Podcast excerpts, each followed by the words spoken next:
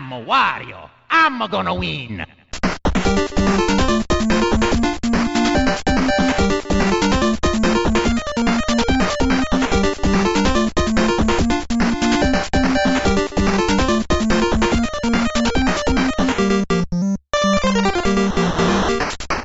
Buttonbashers aflevering 37. Midden in de hete maand juni, althans dat hopen we natuurlijk.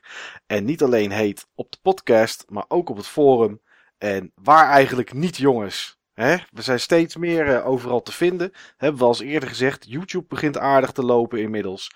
Het, eh, ja, het is net zo eigenlijk als zo'n nieuwe rage die je bij de Bart Smit vroeger had liggen. Alleen zijn wij dat denk ik voor deze zomer.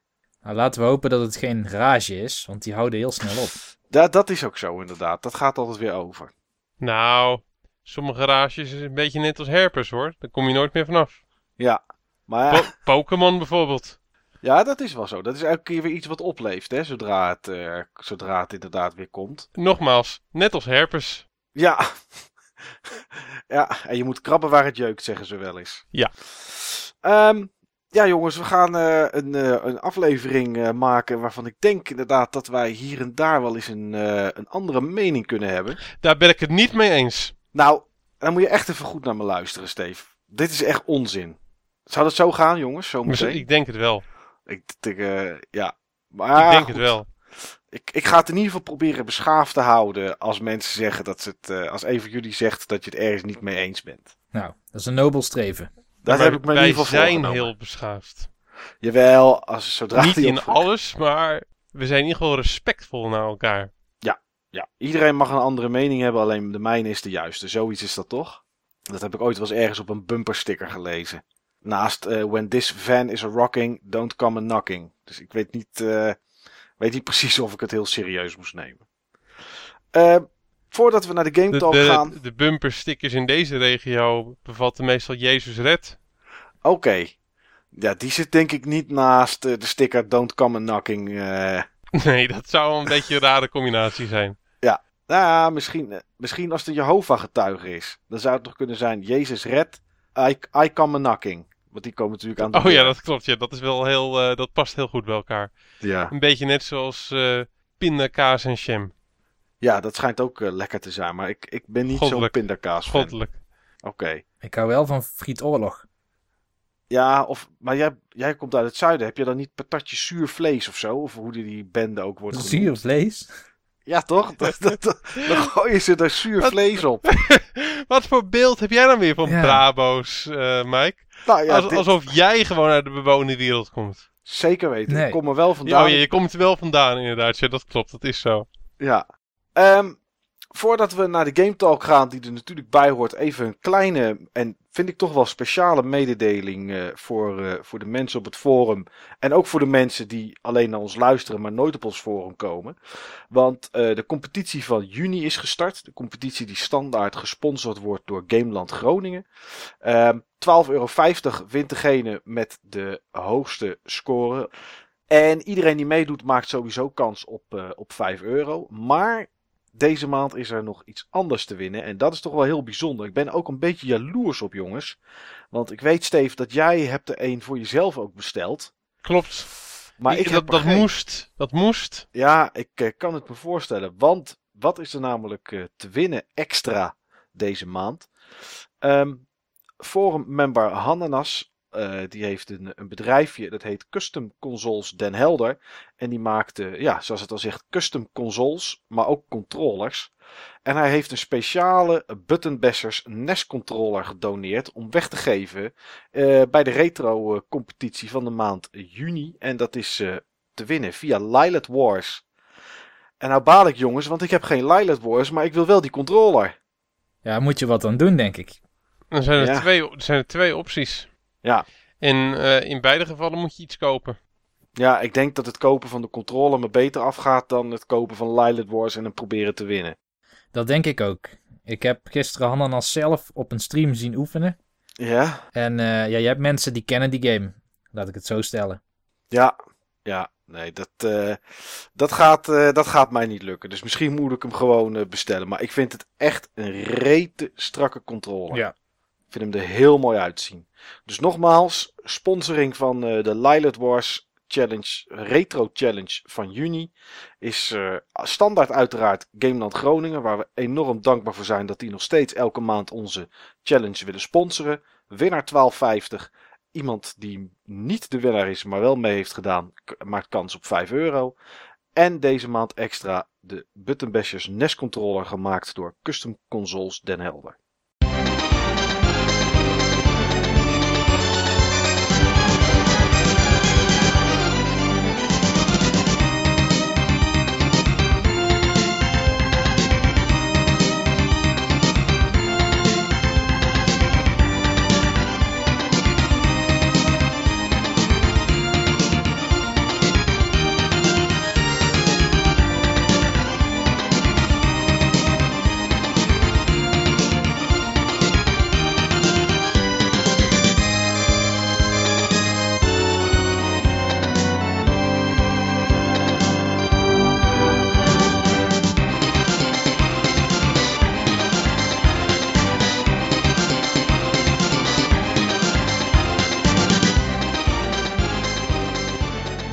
Klein stukje het woord over.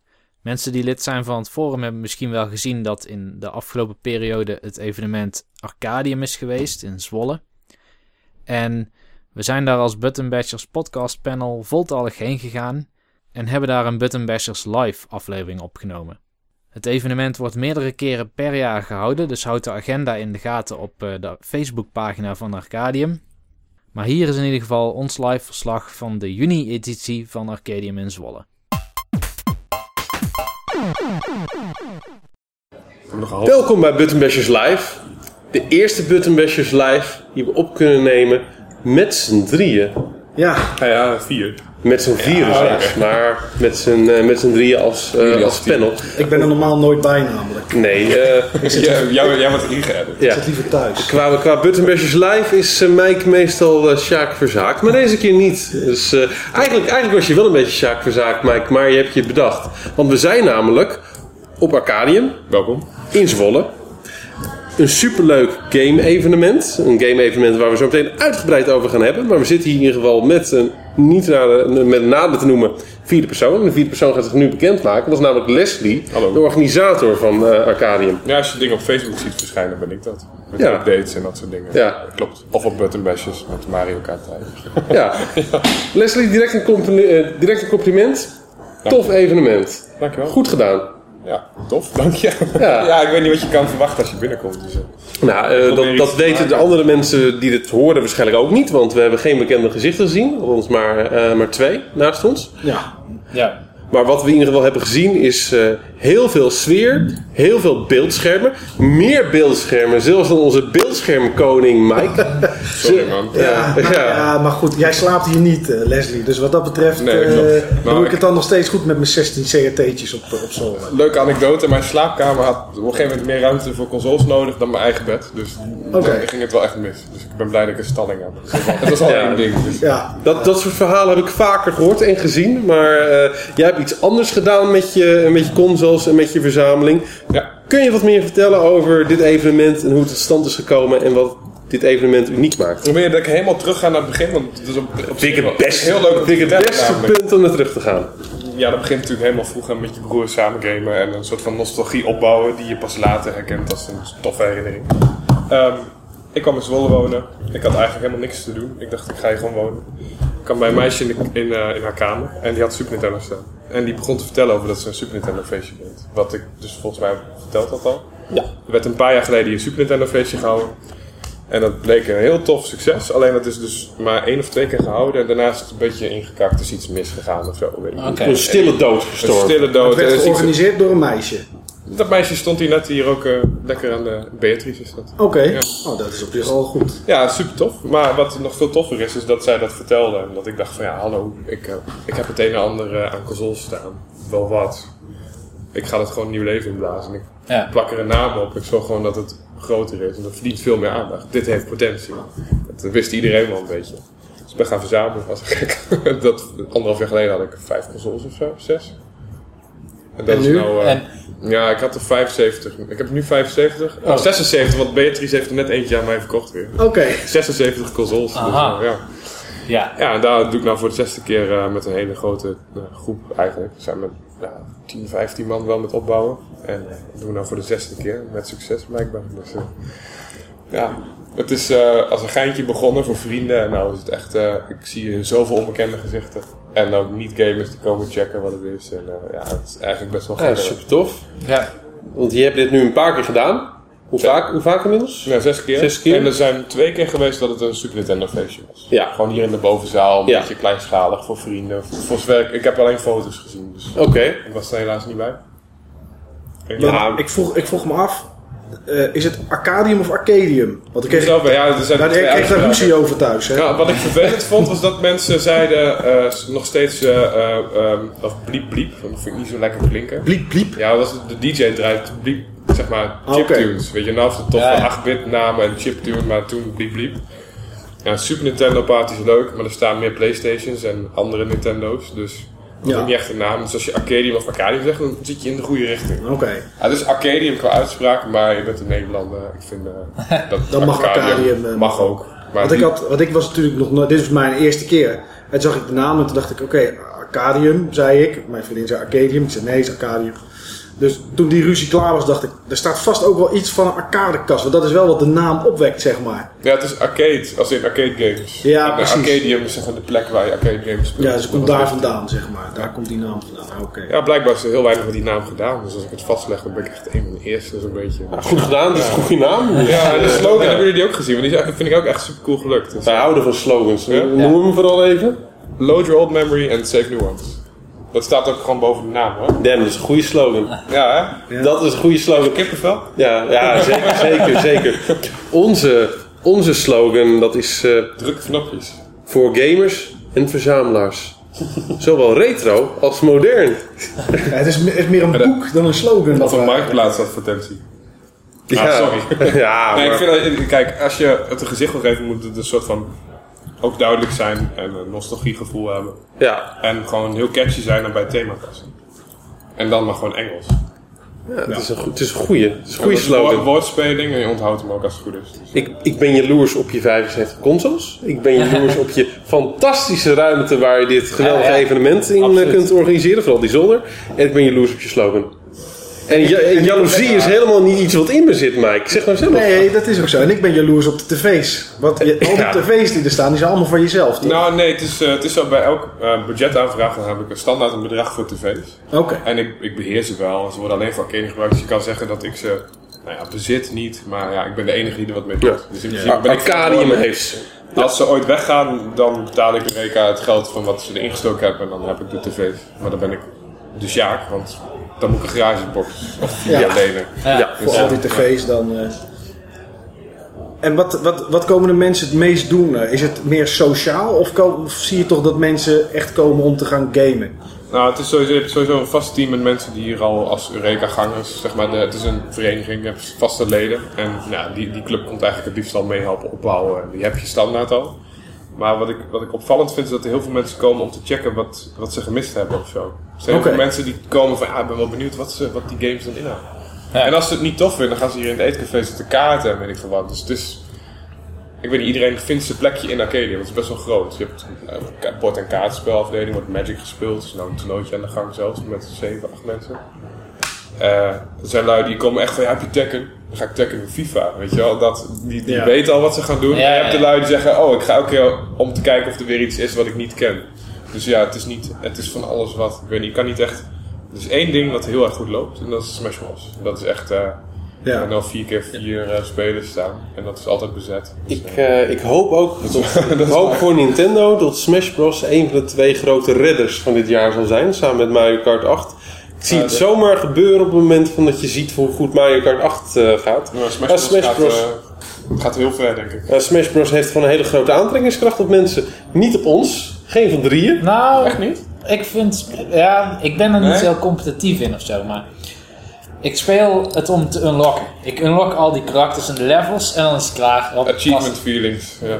Dat je gewoon elke keer een oplop dingetje krijgt van, ah, ik heb weer wat bereikt. Nou ja, dat is typisch dat je dat zegt. Ik ben van ons drieën de minst gevoelig voor achievements. Maar ehm,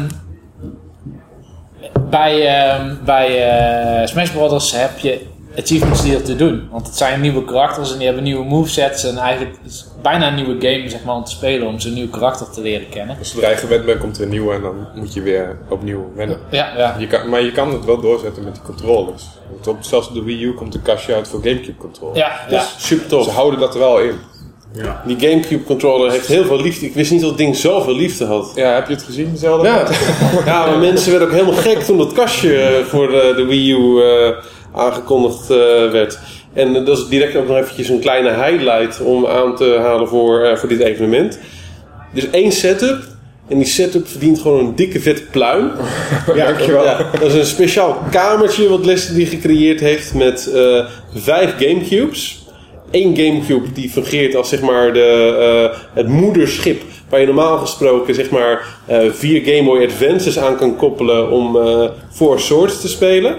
Nee, dit is niet gedaan met vier Game Boy Advances. dit is gedaan met vier Gamecubes met een GBA-player. Dus je hebt gewoon vijf ga- eh, GBA's, eh, sorry, je hebt vijf Gamecubes die je daar hebt staan om dat die game mee te spelen met allemaal op een eigen scherm.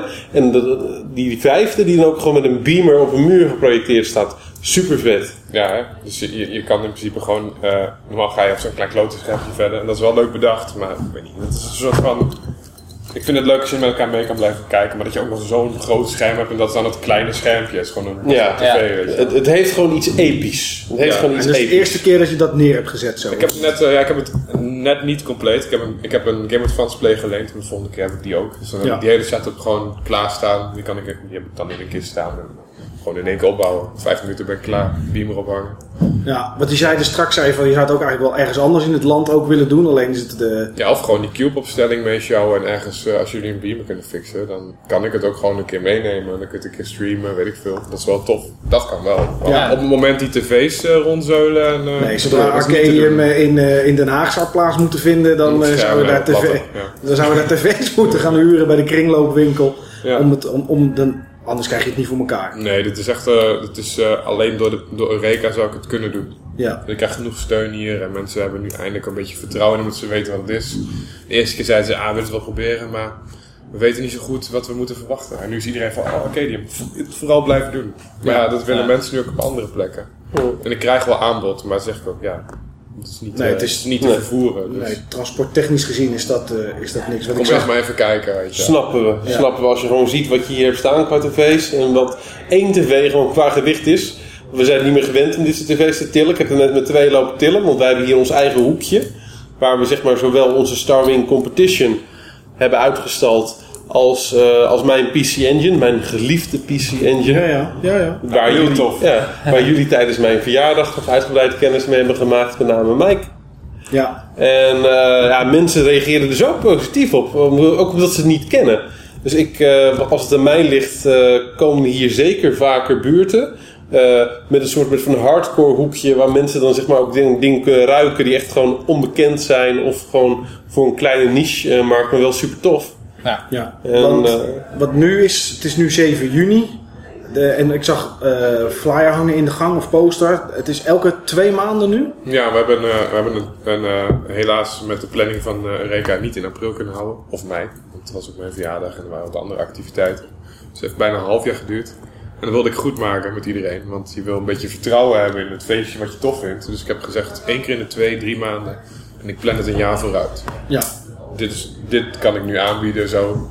En eh, ja, dus 6 september weer al. Dus eh, best Oké. snel. Ja. Snel, ja. Ja. Maar ja, Ja, het is nu heel warm en ik vind de opkomst nog best wel veel voor zo. Het is echt warm. Het is- zou buiten moeten zitten, warm. maar ze zitten allemaal hier. Dus. Ja. En de achterplein is heel tof. ja, mensen kunnen gewoon buiten zitten en eh biertje drinken. Ja, dat is mijn bezwaar een beetje met andere locaties. Want jullie zeiden al, ah, het is echt zo'n zolderkamergevoel. Oh, het is echt zo'n zo'n plek waar het hoort. Maar als ik er ergens anders zou houden, dan moet ik echt wel eerst even langs om te kijken of het wat is.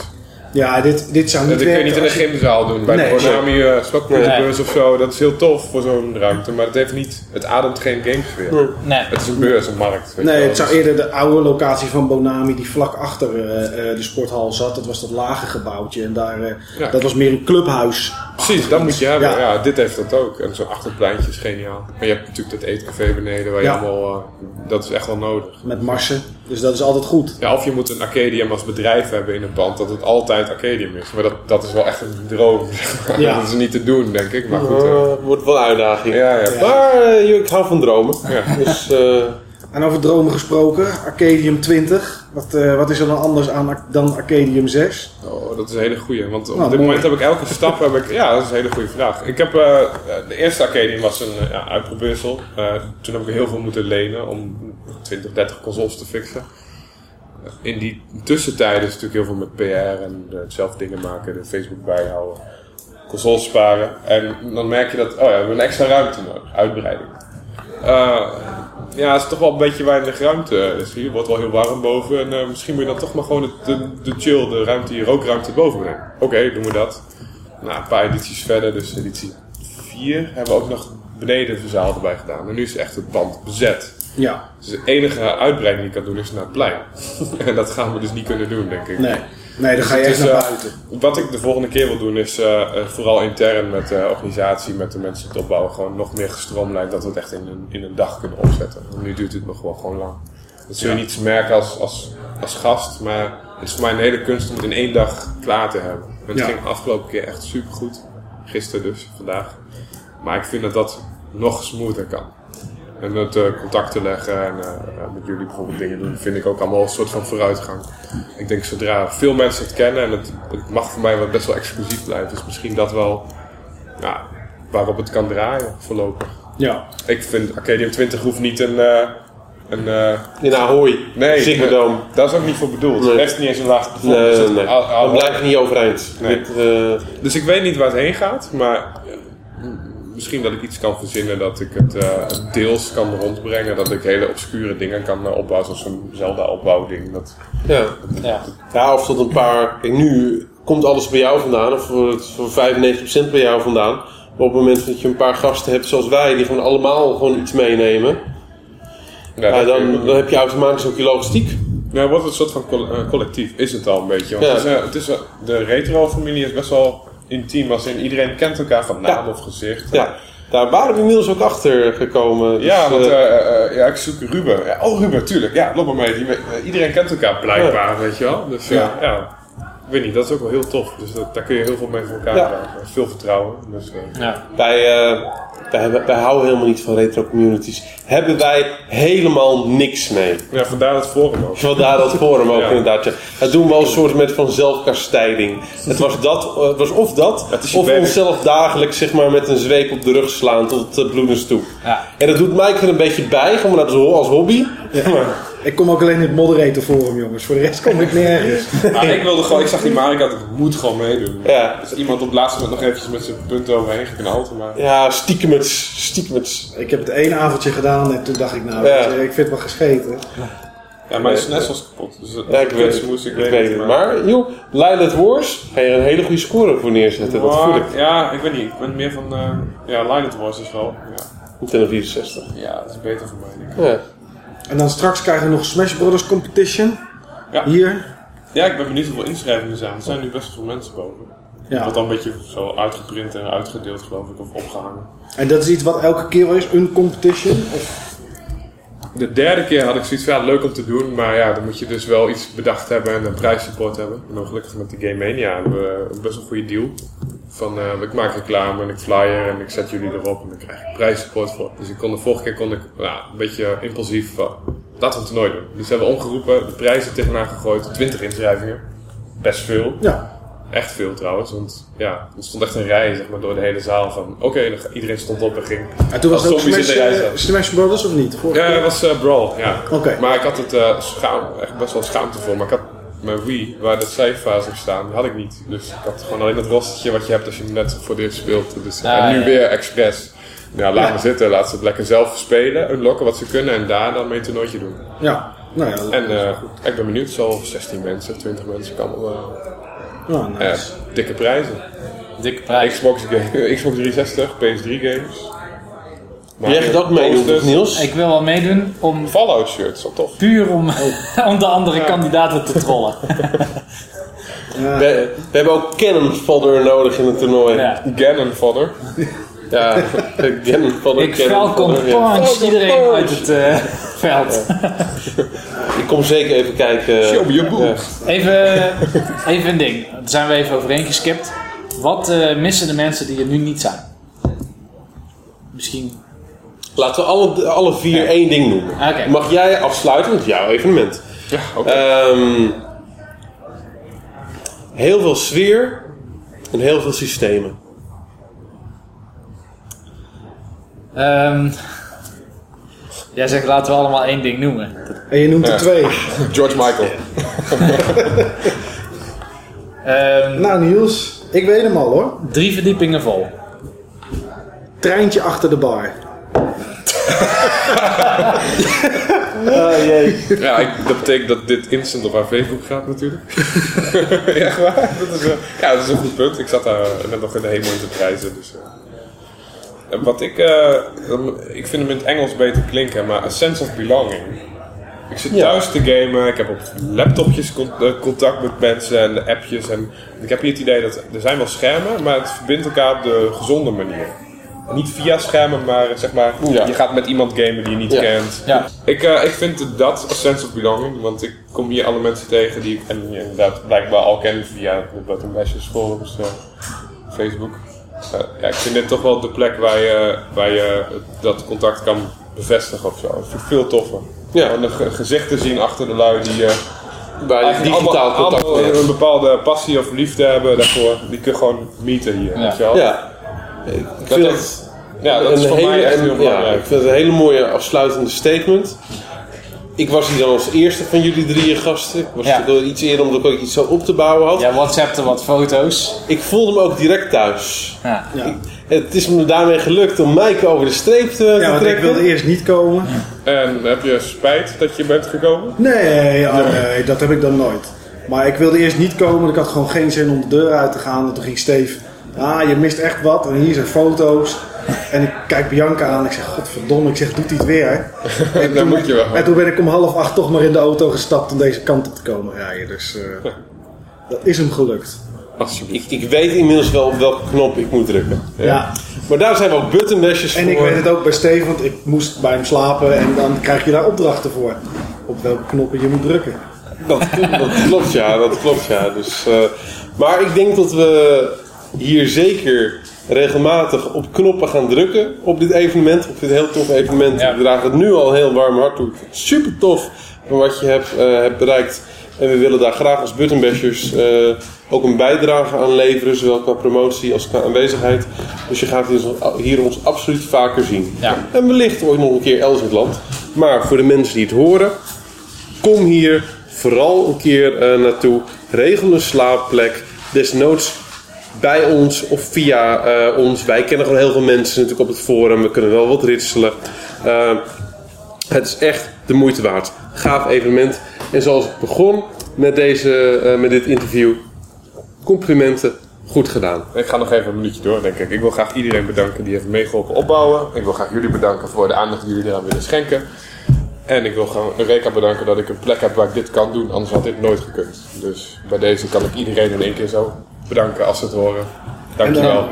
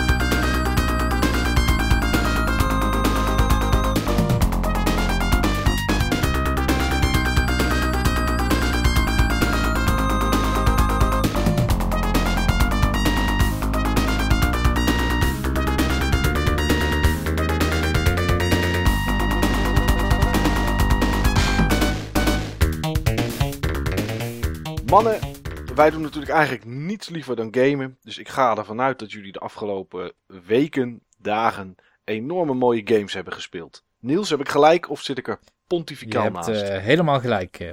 Wat heb je gespeeld? Ik heb bijna alleen maar oude games gespeeld. Nou, dat is... Niet, eh, niet per se retro oud, maar het zit er tussenin misschien. Ehm een van de drie is in ieder geval wel retro oud, zeer retro oud. Het Galaxy Force 2.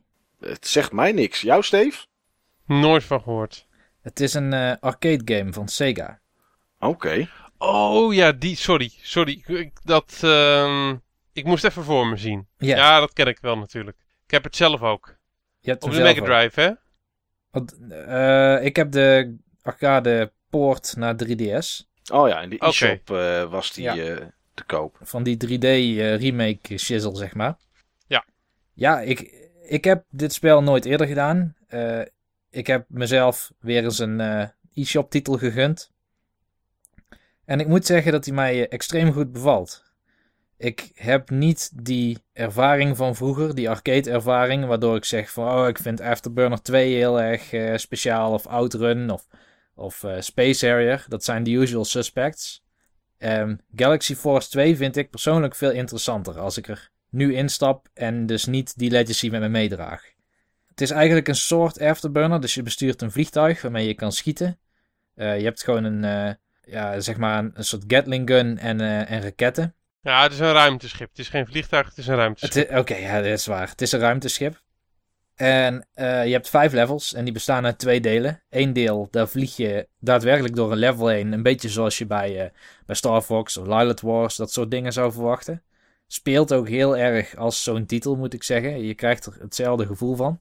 En het tweede deel van zo'n level, dan infiltreer je een, eh, een vijandige basis. Dus dan vlieg je echt een soort basis in een berg of zo binnen. En daarin zit een core en die moet je opblazen. Nou, en wat zo knap is aan deze titel, is dat eigenlijk is alles met sprites gedaan. Er zit eigenlijk geen echt polygonaal 3D in, in die game. Maar het zijn zo verschrikkelijk veel sprites dat je af en toe getrukt wordt om te denken dat het toch echt 3D is. Echt polygonaal. Oké. Een muur bestaat eigenlijk uit heel veel eh, pilaren naast elkaar. Of achter elkaar moet ik zeggen. En die schalen mee als je dichterbij komt. Dus dat ziet er echt, eh, echt super gaaf uit. Heeft een, het geeft echt een retro feel, echt een arcade feel ook om die titel te spelen. Eh, het enige wat ik vind is dat het is wel behoorlijk lastig. Maar ja, het was een arcade game natuurlijk. Want je fuel gaat steeds op. Je hebt sowieso een.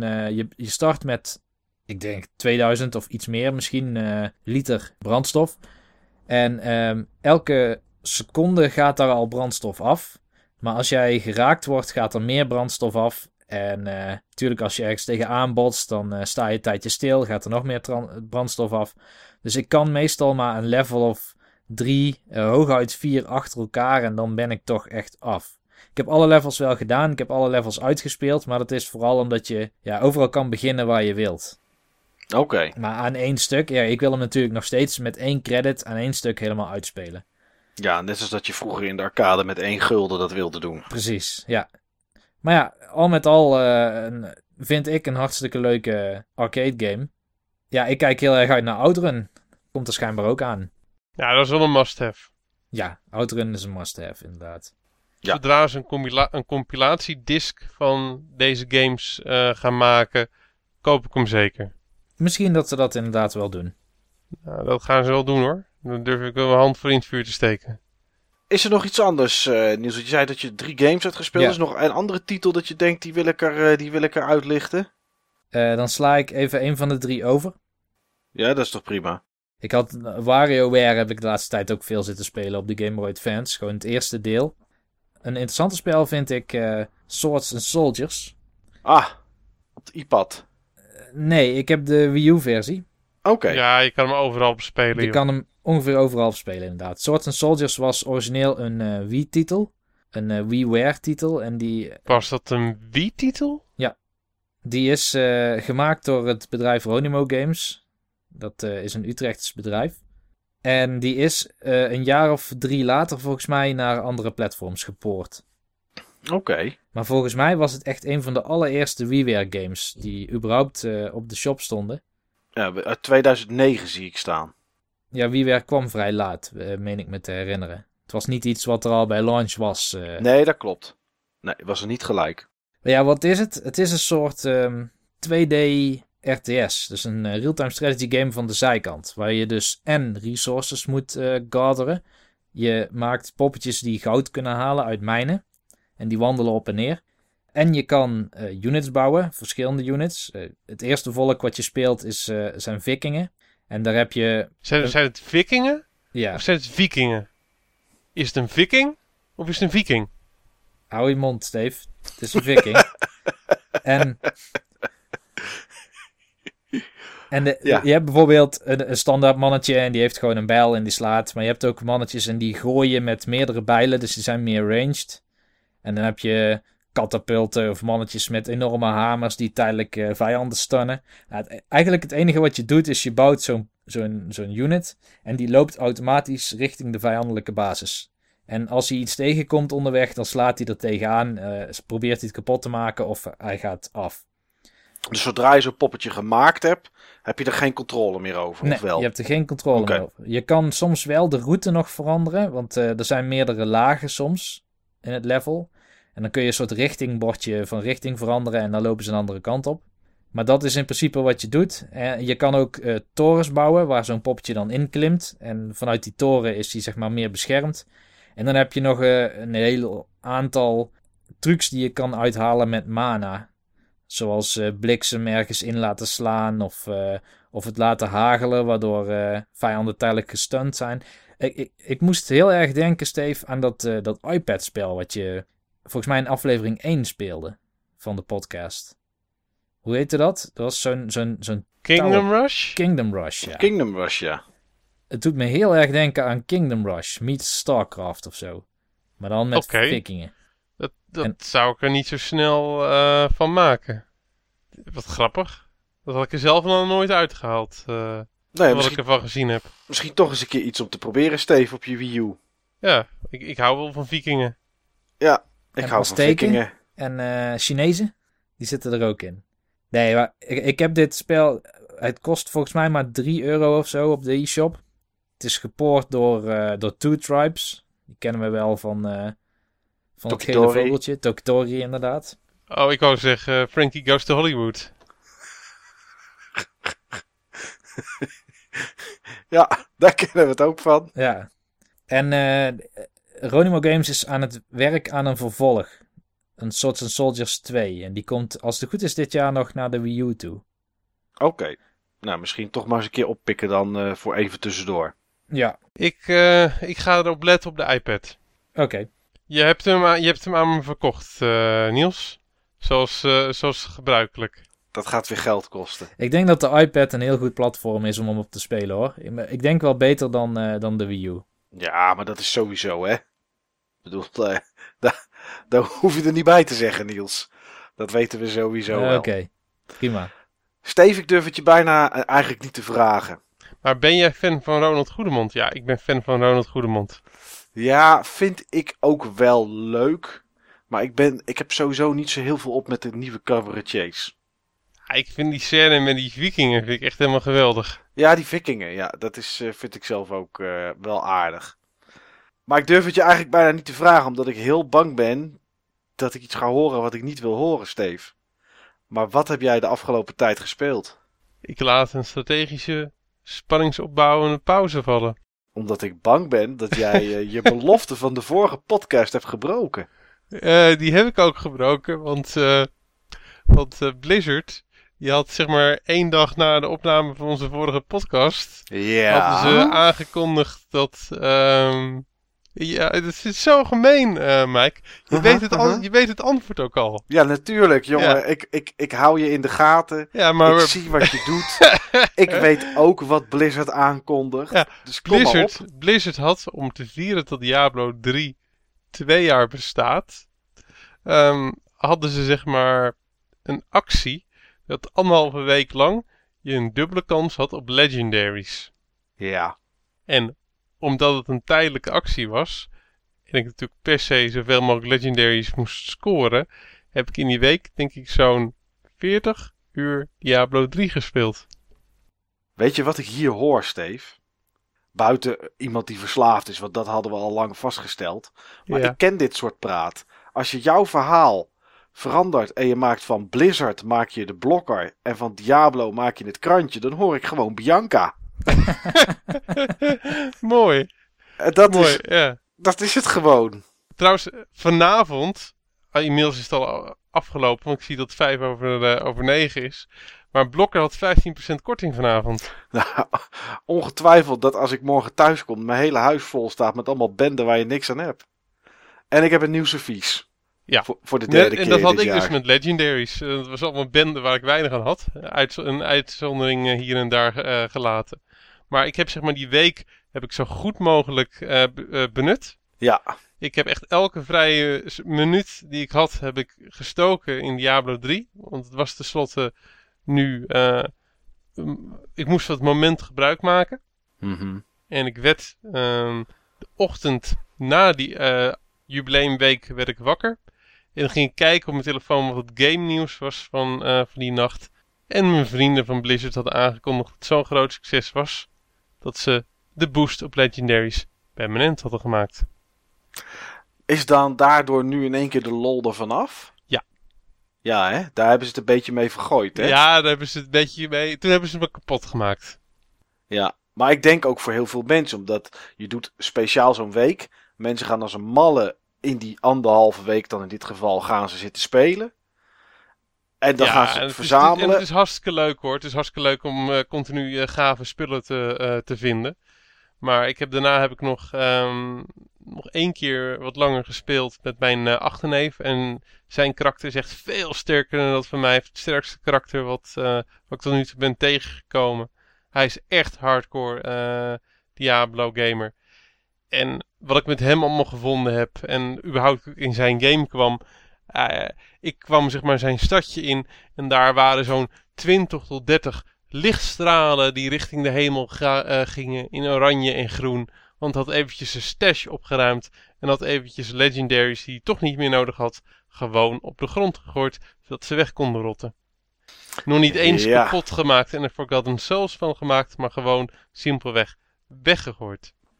Maar ja, dat zal nu veel vaker gebeuren nu ze die booster op, op blijvend ophouden. Ik, eh, ik denk het wel. Maar het is wel gaaf om, eh, om snel spullen te vinden. Misschien doe ik het af en toe nog eens een keer gaan spelen. Maar eh, het hele hardcore Diablo ben ik eigenlijk wel weer klaar mee.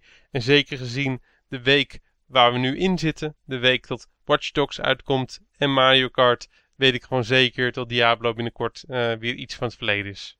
Ja. Maar ik heb nog iets gespeeld hoor. Oh, je hebt ook nog wat Toch anders wel. gespeeld. Nou, kom maar op dan. Verbaas ons. Ik was bij mijn eh goede vriend eh, Jelle.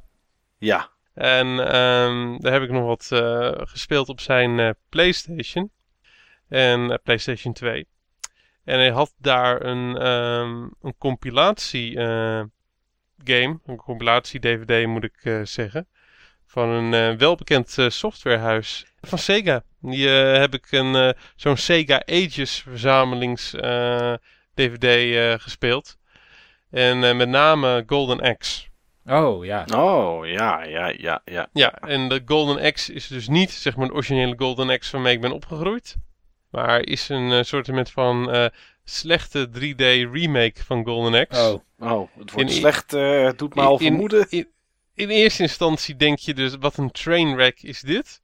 Hoe hebben ze dit kunnen doen met Golden Axe?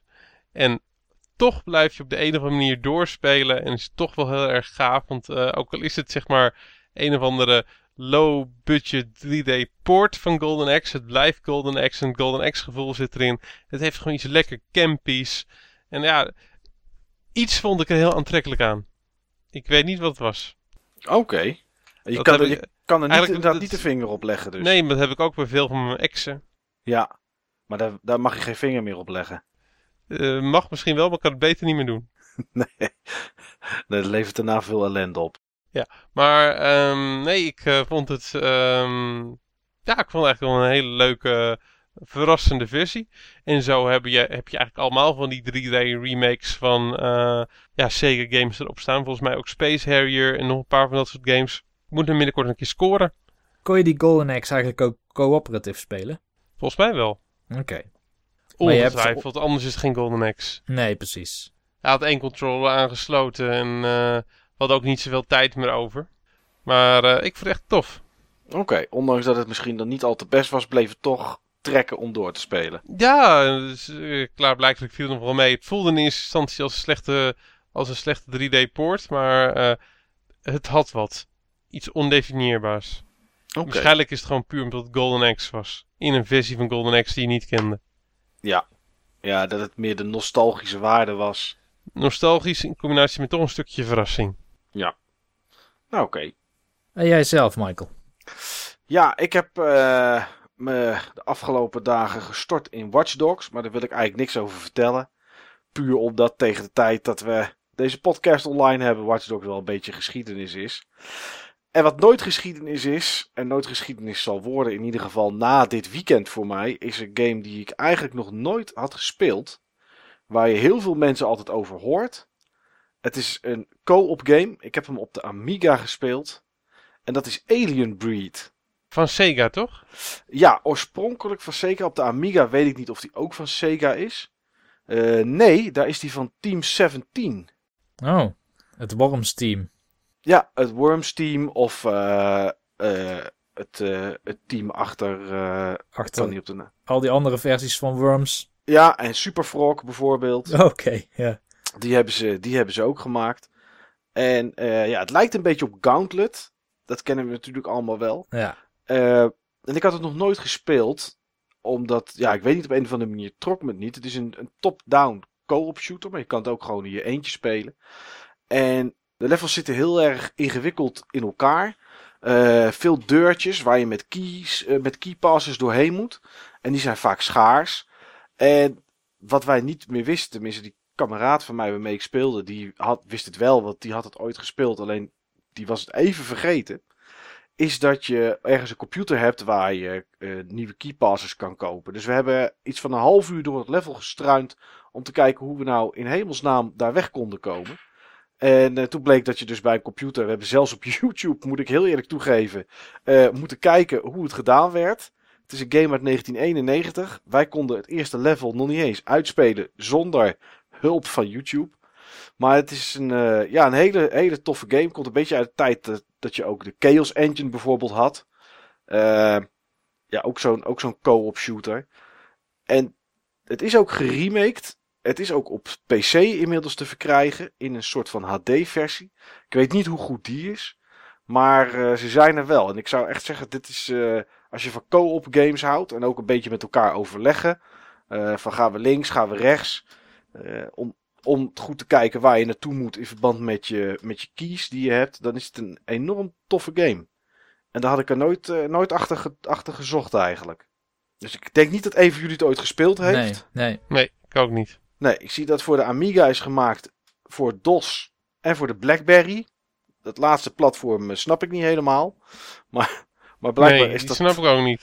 Nee, Voor de Blackberry? ja, staat op Wikipedia dat ook gemaakt is voor de Blackberry. Nou, Blackberry is inmiddels wel behoorlijk retro. Ja, dat is het, eh, dat is het zeker. En eh, nou ja, het, dat is heel vreemd.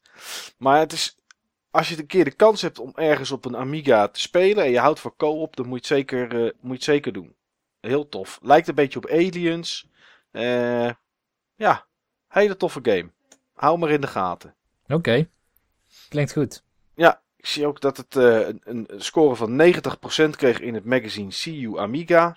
Dus het is wel, wel heel tof. En daarna hebben we ook nog even deel 2 opgestart. En dat was een complete chaos. En dat was echt een, echt een ramp.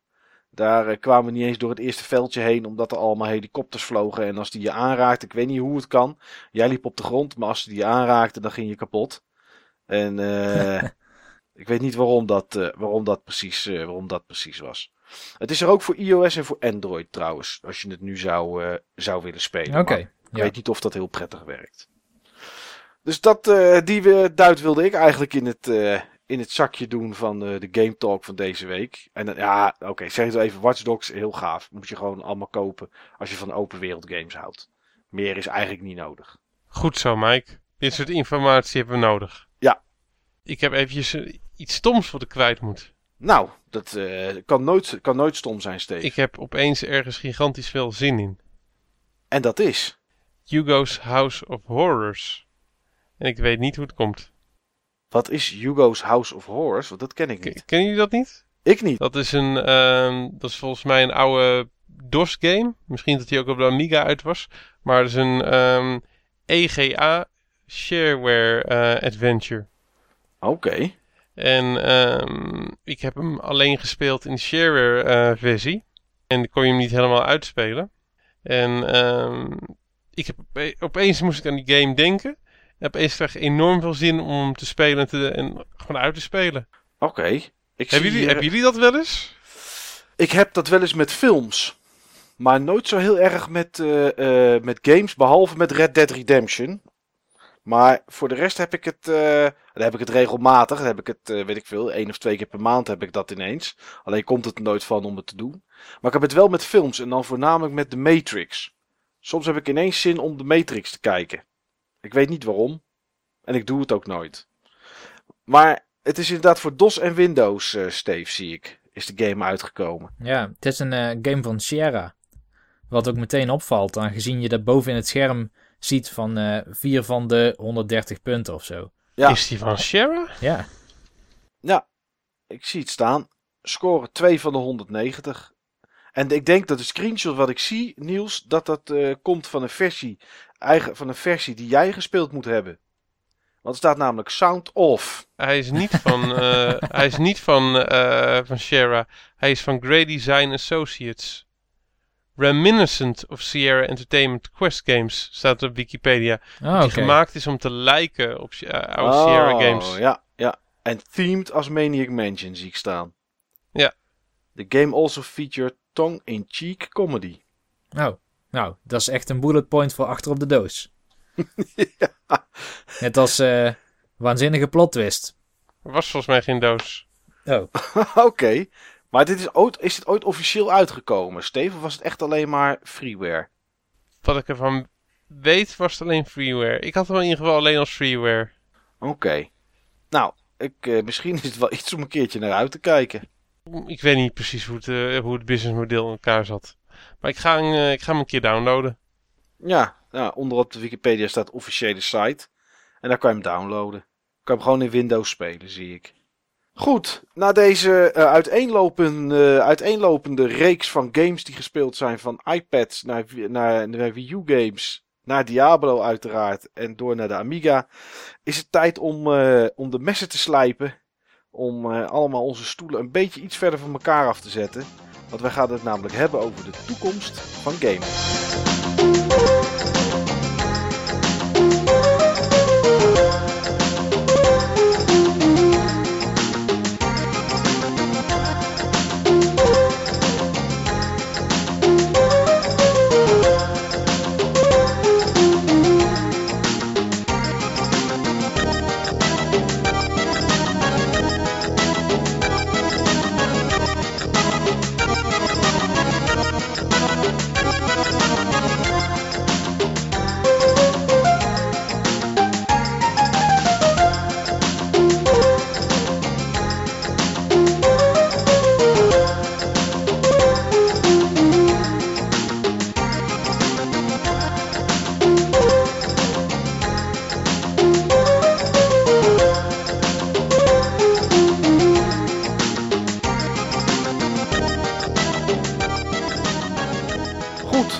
Wij eh, spelen al geruim eh, heel veel jaren games. En we hebben eigenlijk ook wel alles voorbij zien komen. En dus zien we ook de evolutie van de games. Het begon allemaal heel simpel met vierkante blokjes en pliep pliep pliep geluidjes. Tot aan wat we tegenwoordig zien, ja, grafische kracht die allemaal zo echt mogelijk moet lijken. DTS geluid en, en noem het allemaal maar op. Maar er is ook nog een toekomst na alles wat we al gezien hebben en wat er op dit moment is. En daar wilde ik het vandaag eens eh, met jullie over hebben. En dan wilde ik eigenlijk met een hele kleine, korte stelling beginnen. Waar je eigenlijk alleen ja of nee op mag antwoorden, Steve. ja, alleen ja of nee, hè, Steve? Alleen ja of nee. Gamen zoals we dat nu doen, gewoon met een controller, een console en een tv, zal in de toekomst niet veranderen. Ja of nee? Nee. Niels? Nee. Oké. Nou, ik ben het daar ook mee eens. Dus daar gaat het eigenlijk al mis, jongens. Want het Oh. was natuurlijk leuk als wij het eh, niet met elkaar eens zouden zijn. Maar ik, eh, ik denk ook dat het niet zal gaan, eh, niet zal gaan veranderen. Eh, in, in het kort, Steve, waarom denk je dat het niet gaat veranderen? De manier waarop we nu gamen? Waarom het wel gaat veranderen. Oh, je denkt dat het wel gaat veranderen? Ja, Dubbele ontkenning. ik was niet... Er zat een dubbele ontkenning in de stelling. Oh, eh, gamen zoals we dat nu doen, met, met, een- met gewoon met een controller, een console tv, zal in de toekomst niet veranderen. Nee, Dat zal gaat niet. wel- Oh, dat, ja, ik vind dat het wel gaat veranderen. Eh, Het gaat wel veranderen. nee, ik zeg dat het niet gaat veranderen. Dus dan is mijn. Oh, daar zijn we het toch niet oneens. Nee, dan zijn we het Zijn we, toch, zijn we toch oneens? Ja. Oké, ronde 1 is gebokst, eh, jongens. Jij, Steve en Niels, die zijn het met elkaar eens. Jullie denken dat gamen zoals we dat nu doen, gewoon op de bank, controller, console en de tv, dat het in de toekomst gaat veranderen. Eh, ik denk dat het niet gaat veranderen. Uiteraard heb ik daar mijn, eh, mijn redenen voor. Maar Steve, kan je mij vertellen waarom jij denkt dat het wel gaat veranderen in de toekomst? Ja. Kom maar op. Technologische en eh, maatschappelijk-sociale vooruitgang. Oké, je denkt dat die enorme invloed gaan hebben en dat het daarom gaat veranderen. Ten eerste denk ik van tot, tot het op de bank met een controller aspect gaat, eh, gaat veranderen. Ja? Ehm, dan moet je de controller, denk ik, losjes, eh, losjes nemen. Ik, ik zie je altijd wel iets in je handen eh, hebben. Behalve als je een Connect-achtige constructie aan, zou, zou gebruiken. Maar ik zie toch wel andere devices ontstaan dan controllers. Ehm, Valve die heeft al een experiment gedaan met een eh, soort eh, controller met haptische feedback in plaats van sticks. Eh, om zeg maar je bewegingen, je camera's te manipuleren.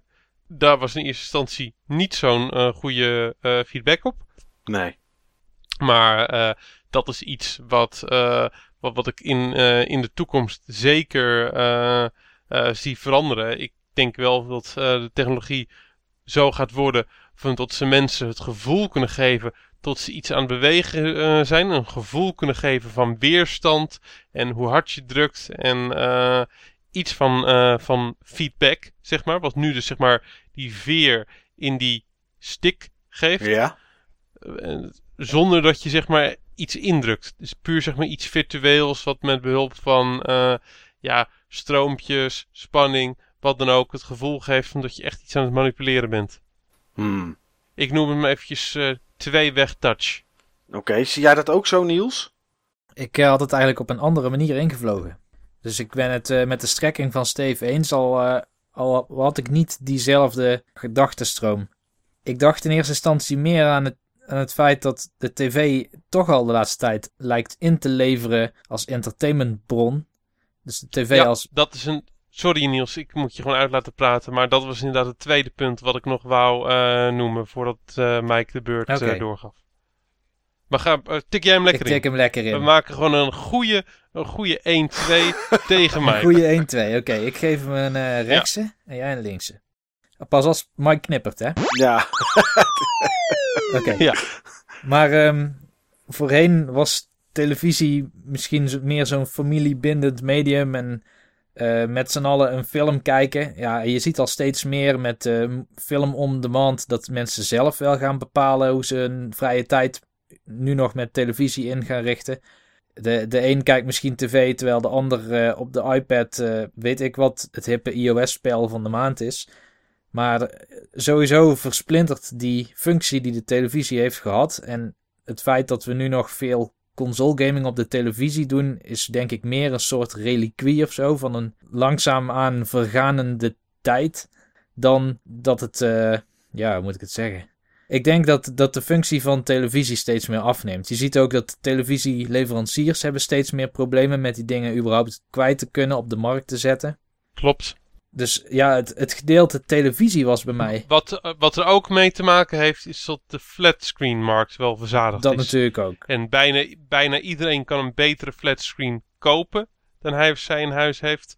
Maar bijna niemand doet dat, omdat voor veel consumenten, die zien het voordeel gewoon simpelweg niet. Nee, nou daar ben ik het wel mee eens. Kijk, net zoals naar die 4K-televisies die, nu, eh, die nu heel, heel langzaam komen. En Samsung die met die curved tv op de markt komt nu. Hè, het gebogen beeld, die uiteraard niet te betalen zijn, maar dat is altijd aan het begin. Ik denk, ik denk inderdaad wel dat het zo is dat mensen eh, het nut niet zien om een nieuwe tv te kopen. Dat, Ja, dat, daarbij moet ik wel toevoegen tot OLED-schermen. Zeg maar wat eh, veel van die tv's met gebogen beeld ook, ook zijn. Maar ze hoeven niet per se gebogen te zijn. Ze kunnen ook prima vlak zijn. OLED, geweldige innovatie. Qua kleur, qua contrast, qua dynamiek, geweldig. Veel beter dan LCD, veel beter dan plasma. Ehm, naar mijn gevoel leveren ze ook beter beeld dan, eh, dan 4K eh, tv's. Eh, Ultra HD tv's, al zijn die wel scherper. Zeker van dichtbij zie je dat, dat echt wel. Als je kijkt naar kleurweergave en helderheid, geweldig OLED tv's. Ja. Mijn volgende tv was een OLED eh, tv. Maar de massa zie ik het niet kopen. Want die kijken Nee. toch naar goede tijden en naar eh Boer zoekt vrouwen en dat soort programma's. Parels voor de zwijnen. Dat is het zeker. Maar goed, ik wilde eh, eigenlijk even terug naar waar jij mee begon, Steve. Naar de besturing van die games. Ja. Op dit moment is dat nog steeds bij een PC, een muis en een, en een keyboard. Of een controller. Eh, hetzelfde voor op de bank. En ze hebben door de jaren heen hebben ze verschillende controllers natuurlijk gemaakt. Hè? De ene Ja. als een grapje, zoals de Sega Bass Fishing Controller. Eh, soms wat, wat serieuzer, zoals een light gun. Maar door de jaren heen hebben we ook gezien dat een andere manier van bewegen of een andere manier van je controller, dat het eigenlijk snel sterft. Neem de, eh, de Wii. Heeft één generatie geduurd, dat bewegen. Dat was het, het nieuwe controllertje spelen, zeg maar. Eh, Kinect. Jij bent de controller. Nou, eh, eh, Xbox One gaat hem, of Microsoft gaat bij de Xbox One dat ding binnenkort standaard niet eens meer meeleveren. Sony heeft de, de Move gehad, waar je games mee kon spelen. En niks heeft eigenlijk die generatie overleefd. Nou, waarom denk jij dan dat dat toch gaat gebeuren, Steve? Want ik denk namelijk, Daar heb ik een hele simpele redenatie voor. en dat is. De analoge stick. Die had je ook al ehm, eind jaren 70, begin jaren 80. Die dingen zijn toen echt heel lang weg geweest. En ze zijn teruggekomen op het moment dat eh, de games er klaar voor waren qua spelervaring. Met de Nintendo 64 en de PlayStation. Toen het 3D-tijdperk opkwam, toen had die analoge stick opeens een hele duidelijke functie. Ja. En die zou je nu niet meer weg kunnen denken. Ik denk dat hetzelfde gaat eh, gebeuren met, ehm, met eh, zeg maar dat type, dat type controls. Ehm, ik denk dat het eh, snel terug gaat komen op het moment tot, eh, de, tot de games daarom vragen, tot de techniek volwassen is. Dat was die niet ten tijde van eh, de Wii en, ehm en Kinect. Ehm, dat was eigenlijk nog veel te beperkt, dat was nog veel te gimmicky. Maar eh, ik zie dat eh, absoluut eh, terugkomen. Ik denk dat het bijvoorbeeld ook heel goed aan zou kunnen sluiten bij, ehm, bij VR. Als VR het eh, gaat worden, en eh, ik heb mijn twijfels. Ik denk persoonlijk dat het een niche product eh, zal zijn, omdat ik de meeste mensen simpelweg niet met zo'n ding op zie, zie zitten. Nee. Ehm, mensen vinden 3D-brilletjes al te intrusive. Nou, dan is zo'n groot ding op je kop, dat ook nog eens een keer best wel zwaar is. En waar veel mensen last van de ogen van krijgen, dat is dan nog wel drie bruggen verder. Maar ik zie dat wel qua ervaring echt toevoegen.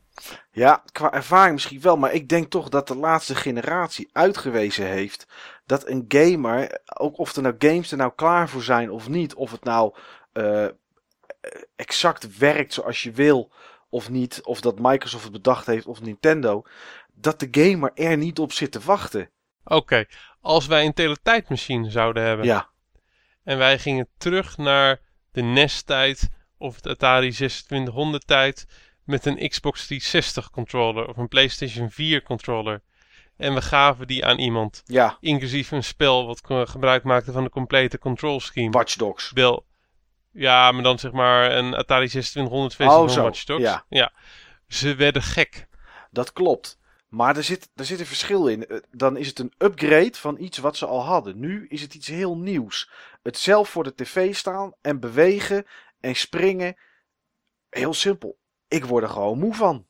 En dan kan je zeggen, je bent een, je bent een luie hond. Maar ik wil niet springen. Ik wil niet zwiepen Nee, en dat kan ik zwaaien. me goed voorstellen. Maar wellicht van tot er, ik, zie er, ik zie er veel meer nuance in. Maar wat. Ik, eh, ik zeg wat, eh, dat, je, dat je je hoofd een beetje tilt en dat die op die manier wat effect, eh, wat effect geeft. Hele genuanceerde bewegingen. Maar nu kan je die, die genuanceerde bewegingen gewoon nog niet goed genoeg tracken. Dat is juist gewoon het hele probleem. Dat is gewoon een geval van, eh, van enerzijds sensoren, anderzijds processing. Maar dat wordt allemaal, dat is de wet van Moore. Dat soort dingen wordt gewoon altijd beter. Tuurlijk, tuurlijk, de kwaliteit erachter die zal altijd beter worden. Dat is, Ja. dat, dat is zeker zo. En, en ze zullen het ook in de toekomst waarschijnlijk wel meer in games gaan stoppen. Maar het feit dat de Xbox One nu al straks zonder Kinect geleverd wordt, zegt voor mij eigenlijk genoeg. En dat is niet alleen voor de prijs, want tuurlijk, Microsoft wil ook op 400 euro uitkomen. Hè, net zoals de PlayStation 4. Maar er zijn zoveel mensen die dat ding loskoppelen, omdat niemand de hel in ziet. De Xbox One is een nieuwe versie van de Dreamcast. In veel opzichten. Dat eh, ben Zijn- ik met je eens. Zijn tijd te ver vooruit. En ehm, het probleem is anders. Die, eh, die Dreamcast die was gewoon echt, eh, echt goed. Maar die was gewoon echt zijn tijd ver te, voor, eh, te ver voor, vooruit. Of de Xbox One zijn tijd te ver vooruit is waarschijnlijk. Inmiddels is zijn zijn tijd niet te ver meer vooruit. Want alles wat revolutionair aan was, dat hebben ze inmiddels zeg maar teruggedraaid of geschrapt. Ja. Maar veel van die ideeën die nu allemaal weggehaald zijn, zijn op zich gewoon hartstikke goede ideeën. Alleen het is allemaal zo vreselijk onhandig gecommuniceerd. Ik zat laatst die presentatie nog terug te kijken. Wat een slechte presentatie.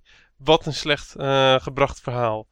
Terwijl veel van die dingen, op het moment dat je het gewoon net eventjes iets anders zou brengen. Ik denk juist wel dat het de kant is eh, die gaming opgaat. Om een voorbeeld te geven. Always Connected. Ja. Diablo 3. Ik heb er uren en uren in zitten. Always Connected. Enorm veel voordelen. Ik zie het wanneer mijn vrienden online zijn. Ik kan direct in hun game springen, zij in mij. Ik zie het wanneer zij eh, spulletjes eh, vinden. Eh, andersom. Ja, dat biedt dat zijn heel veel sociale voordelen die echt gewoon zo'n game gewoon leuker maken. En dat kan maar op één manier als je dat, als je zo'n on- always online connectie hebt. Anders is het gewoon een single player game die soms een beetje, die soms een beetje bij elkaar komt. Maar nu is het echt verweven in eh, de experience. Ik denk dat dat toevoegt.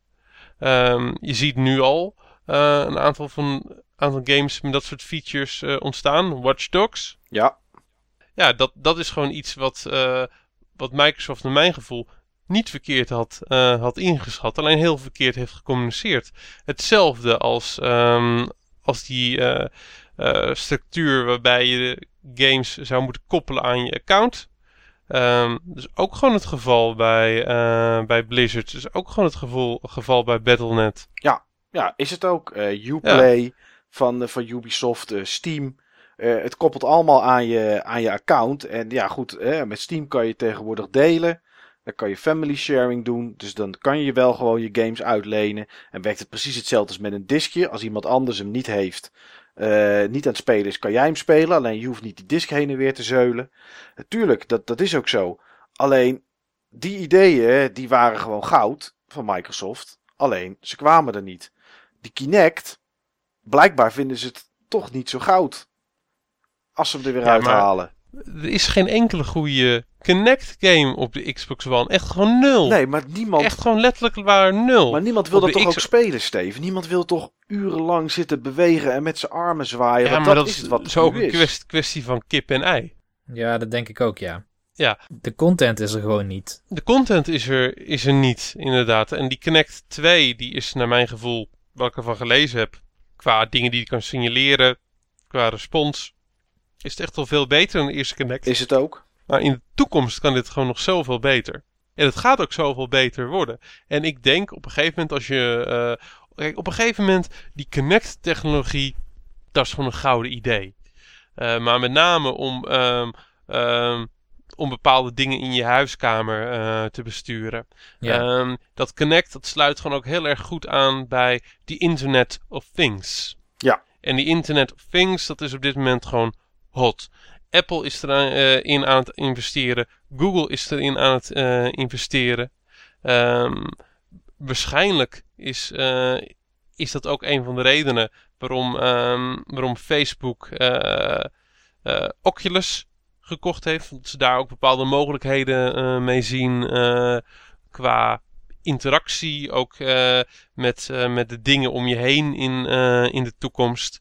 Eh, ik kan me niet voorstellen van dat Facebook het puur gekocht heeft eh, voor, eh, voor de app. voor, ja, voor alleen voor de app en voor de, voor de gaming mogelijkheden. Ehm, op het moment van dat je dingen om je heen moet, moet gaan besturen van een afstand. ehm, met internetkoppeling op een intuïtieve manier zie ik dingen als spraak en, en gesture besturing gewoon als, als dingen die er heel erg logisch bij, eh, bij zijn. Veel tv's, er zit tegenwoordig ook een soort met van Connect-achtige sensor eh, in. Op een gegeven moment zit hij gewoon standaard in je tv en werkt hij gewoon beter dan Connect 2 op dit moment. En in je En- telefoon misschien wel zelfs. Ja, en in je telefoon. En ehm, ik, ik zie het echt van komen van tot op het moment dat het echt ehm, eh, uitontwikkeld is en ehm, in standaard in tal van apparaten, apparaten die je toch in huis hebt, totdat ook gewoon apparaten gaan worden waar je games op gaat spelen en tot een generatie opgegroeid is die ook gewoon gewend is aan dit soort, eh, aan dit soort eh, bewegingen. En zie ik het niet voor me als gewoon eh, heel snel eindeloos met je armen zwaaien. Dat zijn die gimmick-achtige games die je op de Wii had en, en, en hebt. Ik zie het allemaal als veel meer intuïtief voor me. Dat je zeg maar in een game als, als Diablo het gebruikt om je gear bij elkaar te klikken. Ja, nou ja, in, als je bijvoorbeeld dingen neemt, eh, Dead Rising 3, heb je op een gegeven moment, als je aan het spelen bent, heb je een, een, een soort eindbaas. En eh, eh, daar kan je dan wat naartoe roepen. En dat, dat beïnvloedt dan zijn, zijn manier van bewegen. Is dat dan dat je denkt van, dat zijn die kleine dingetjes die ik het zie doen? Want dat is ook besturen. Ja, bijvoorbeeld. Maar ehm, ik ben het helemaal met je eens hoor. Kijk, nu is het allemaal nog gewoon te gimmicky. Nu is het nog te veel eh erbij verzonnen. Ja, ja ik, ik denk dat dat, dat dat in de toekomst niet weggaat. Omdat voor gaming, als puur naar gaming kijk, wat je net zei, hè, met dingen besturen. Tuurlijk, het is super makkelijk dat ik op de bank eh, lig, hang. Dat ik eh, Netflix aan het kijken ben op mijn Xbox One. En dat ik dan zeg Xbox, go to Dead Rising 3. Eh, of 3 in dat geval. Of go to Dead Rising, maakt allemaal niet uit. En plop, ik zit in die game op het punt waar ik gebleven ben. Ben ik klaar, denk ik wil weer Netflix kijken. Eh, Xbox, go to Netflix. En hij pauzeert mijn game. Start Netflix op waar ik gebleven was. En ik kan verder kijken.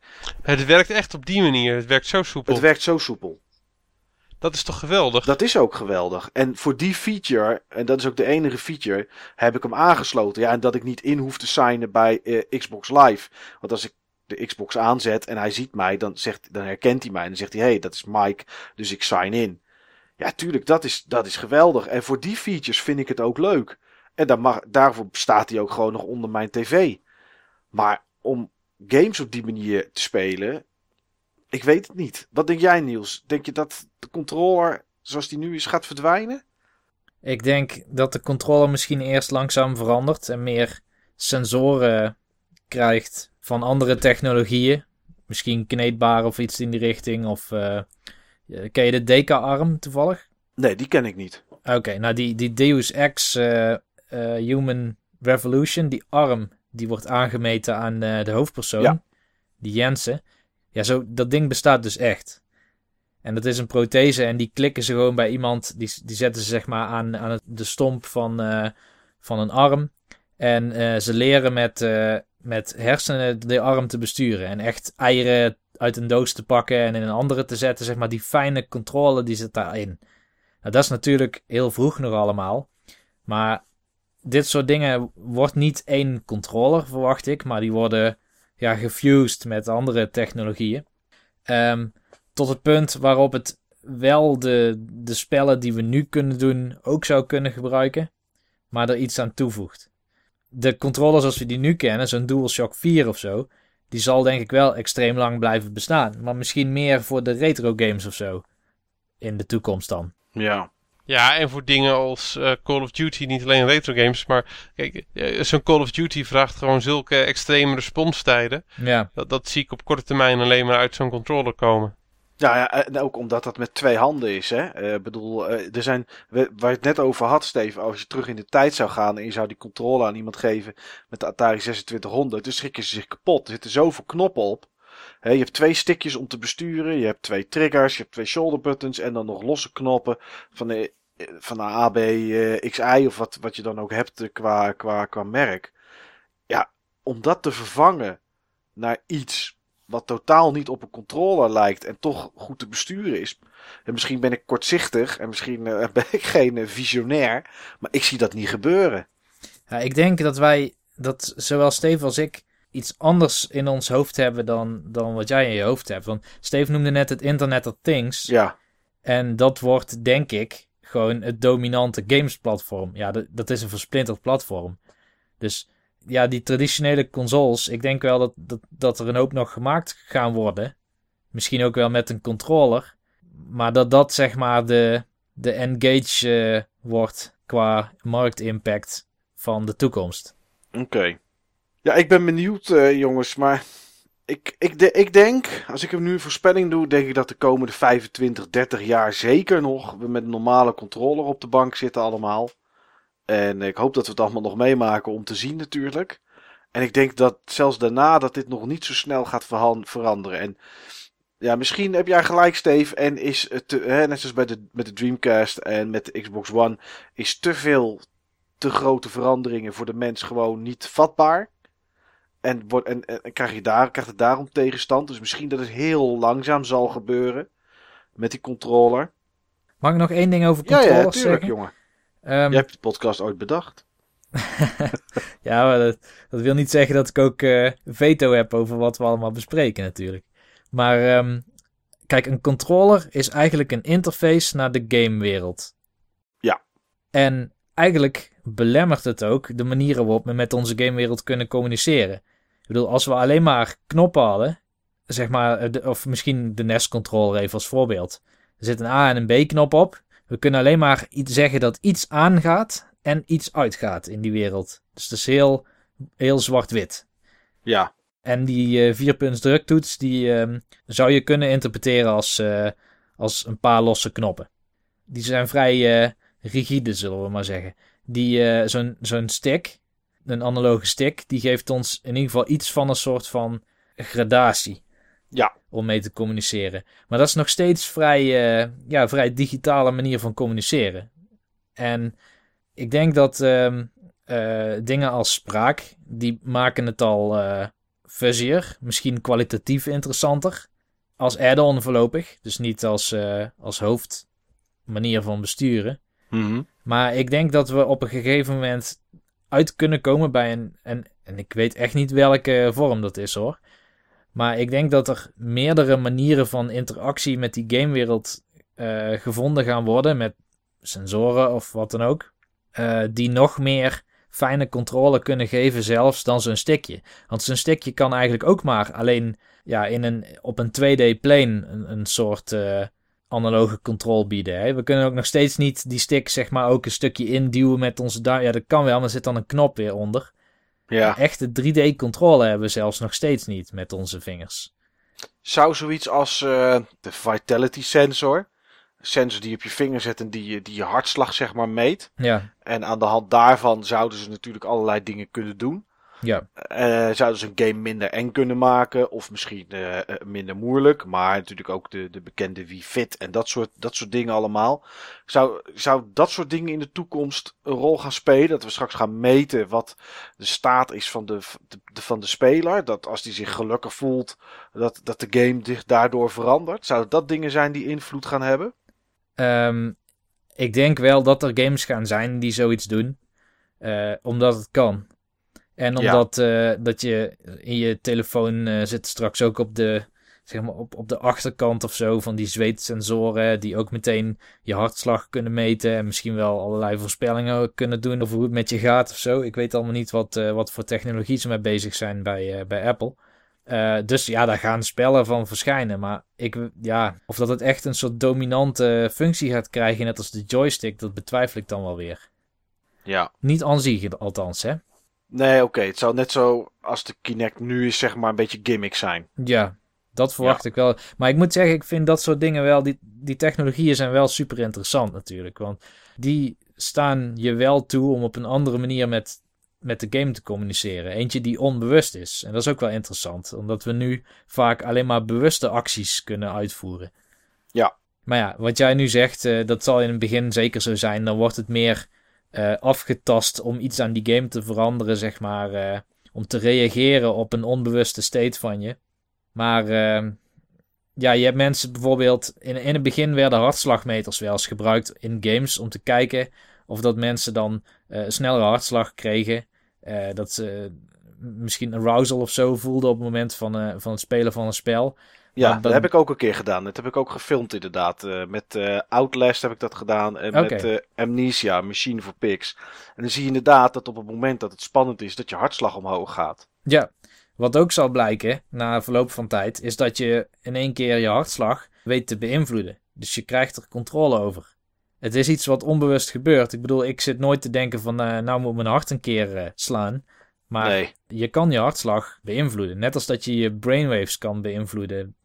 Ik heb op mijn werk wel eens met zo'n eh, zo'n zo'n EEG, eh, of weet ik veel wat voor technologie het ook weer was. Met, in ieder geval met zo'n headset gewerkt die dan jouw hersengolven aftast naar bepaalde signalen.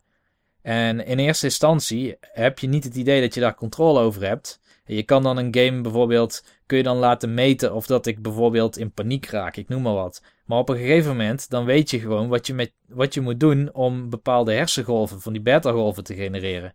Als ik heel Ja. snel in mijn hoofd eh, rekensommetjes ga liggen maken, of, eh, of de tafel eh, van, van 144 of zo probeert te berekenen, dan stoot ik heel veel van die golven uit. En dan kan ik het alsnog als een soort input device gebruiken voor een game. Oké. Nou, of misschien, misschien is het ooit iets. Eye tracking zie ik ook nog wel echt een. eh, ja, eye tracking is een goeie. Ja, ja. Ja, ik heb het op mijn telefoon, op mijn Samsung Galaxy S4, kan je via eye tracking kan je zeg maar scrollen op een eh, webpagina. Of als je naar een filmpje kijkt en eh, op YouTube of iets en je kijkt even van je tv, telefoon weg, dan stopt het filmpje automatisch. Ja, Eh, nou, dat laatste werkt wel aardig. Dat scrollen, dat werkte niet zo best. Dan, eh, ja, het scrolde gewoon niet. Of ik moest mijn telefoon schuin houden of wat dan ook. Maar dat zijn inderdaad wel kleine technieken die, eh, die voor interessante veranderingen kunnen, eh, kunnen zorgen. Ik weet niet precies hoe, ze, hoe we eye-tracking zouden kunnen vertalen naar een game toe. Maar ja, goed, daarvoor ben ik ook geen ontwikkelaar. Dus nou, dat, dat, is super interessant. Eh, ehm, stel je loopt in zo'n Watch Dogs stad rond. Ja, Ja, dat mensen toch zenuwachtig van je worden als je ze aankijkt.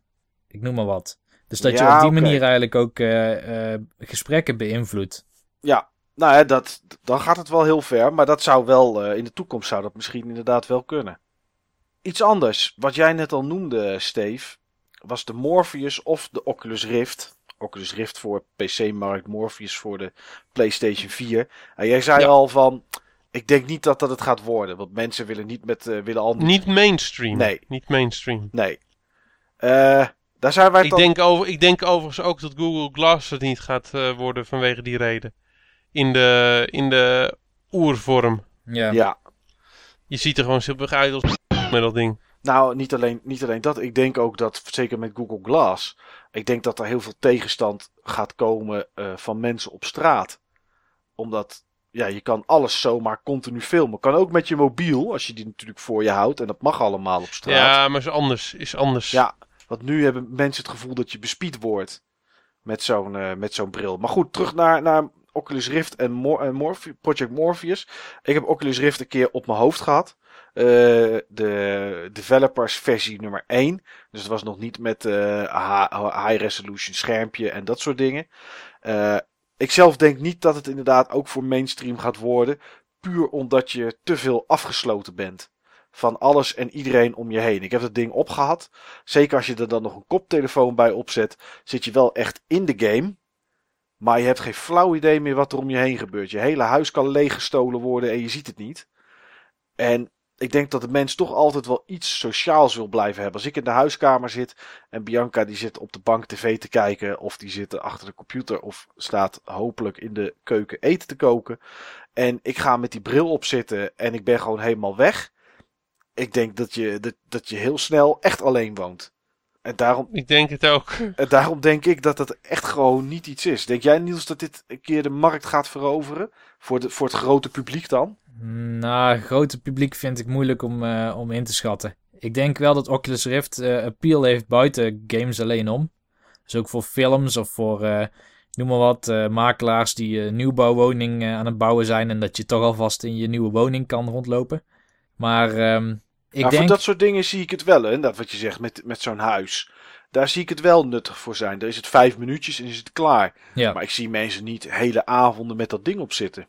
Eh, ja, ik moet dan denk ik toch herhalen. Zo, als de content komt, dan, dan zal de markt wel volgen, denk ik. Maar ja, we moeten daarop wachten. En ja, ik denk wel dat het wat vroeg is nog voor deze technologie. Want nu hebben we dadelijk dat we inderdaad in ieder geval een andere wereld zien. En met je koptelefoon hoort.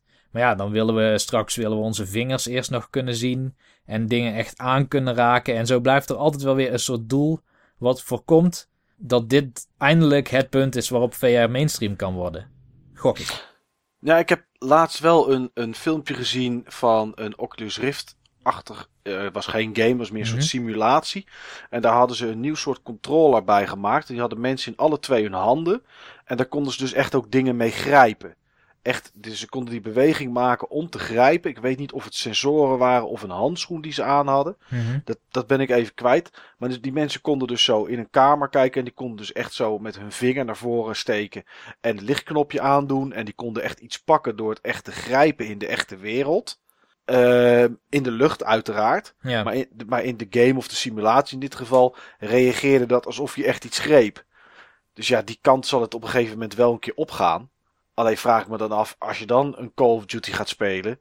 Ja, dan ben je gewoon echt met je, met je vinger ben je de trekker aan het overhalen, Ja, ja. continu. Ja, of, dat het, of dat het dan is.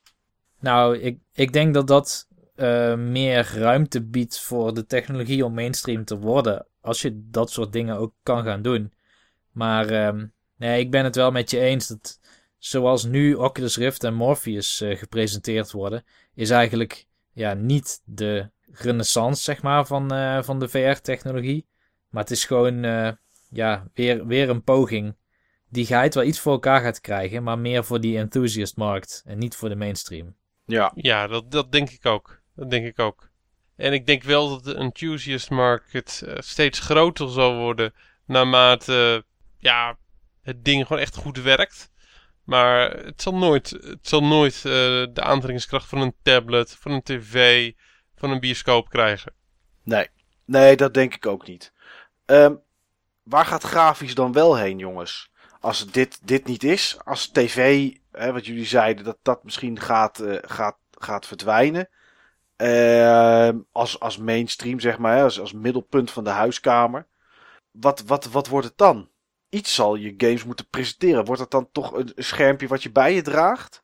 Ehm, Je zal ik iets. ga dan toch voor een, eh, voor een, eh, voor een wet die een econoom slash filosoof een keer gezegd eh, heeft. Volgens mij was het Kevin Kelly, maar dat weet ik niet zeker. Everything that can be mobile will be. Oké. Kijk, dit is de reden dat wij naar 2 voor 12 moeten, Steve.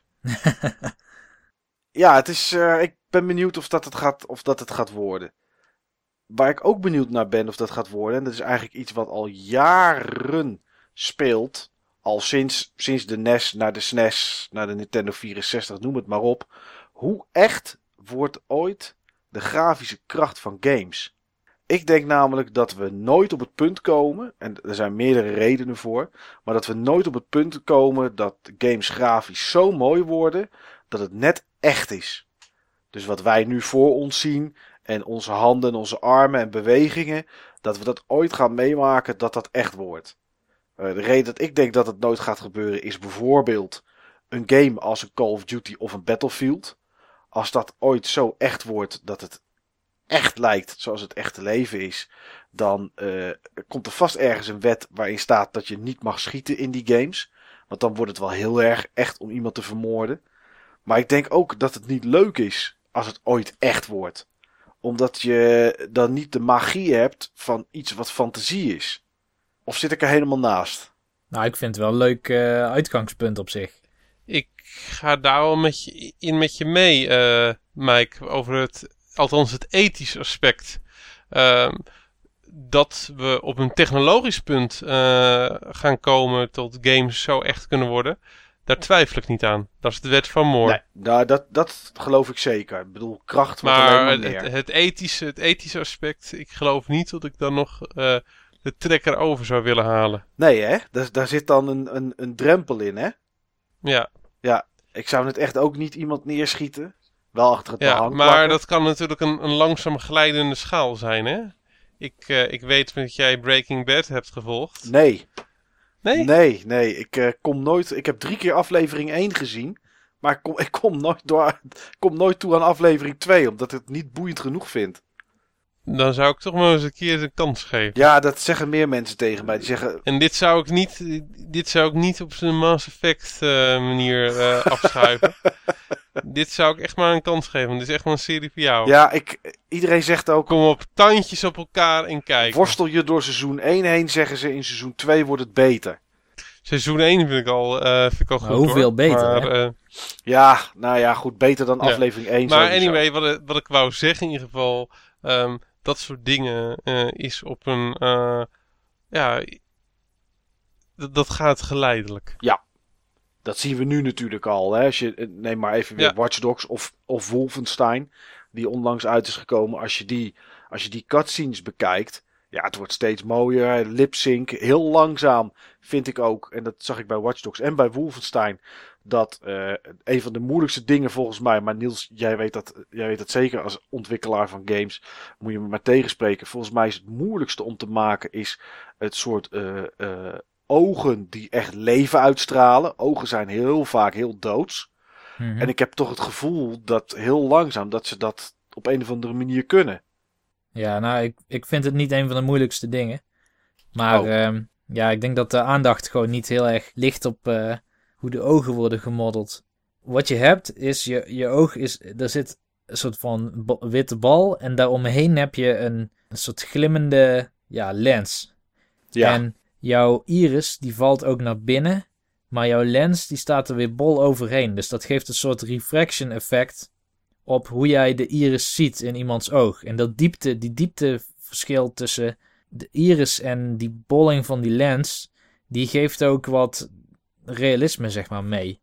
En je ziet wel meer games die dat ook doen. Dus volgens mij die nieuwste Killzone eh, Shadowfall, ja. die heeft ook die twee lagen over elkaar van dat oog bijvoorbeeld. oké. en daardoor kunnen ze, dat, eh, kunnen ze dat doen, zeg maar.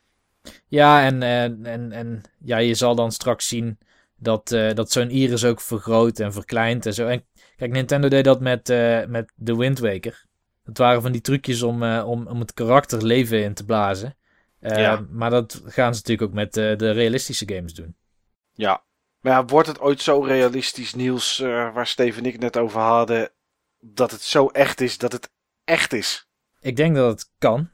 Ehm, qua processing power, zeg maar. misschien zelfs dat je bepaalde dingen nu al zo echt kan renderen dat je het verschil niet zou zien. Maar het is gewoon niet interessant om dat te doen. Als je kijkt ook naar Drive Club, zeg maar, wordt toch wel ook ja, bejubeld als een, eh, als een racegame met een eh, heel erg mooi en realistisch lichtmodel. Maar ik heb nog nooit zo'n sterk contrast gezien als ik over een weg rijd. Nee. Ik noem maar wat. Dus dat is expres aangedikt.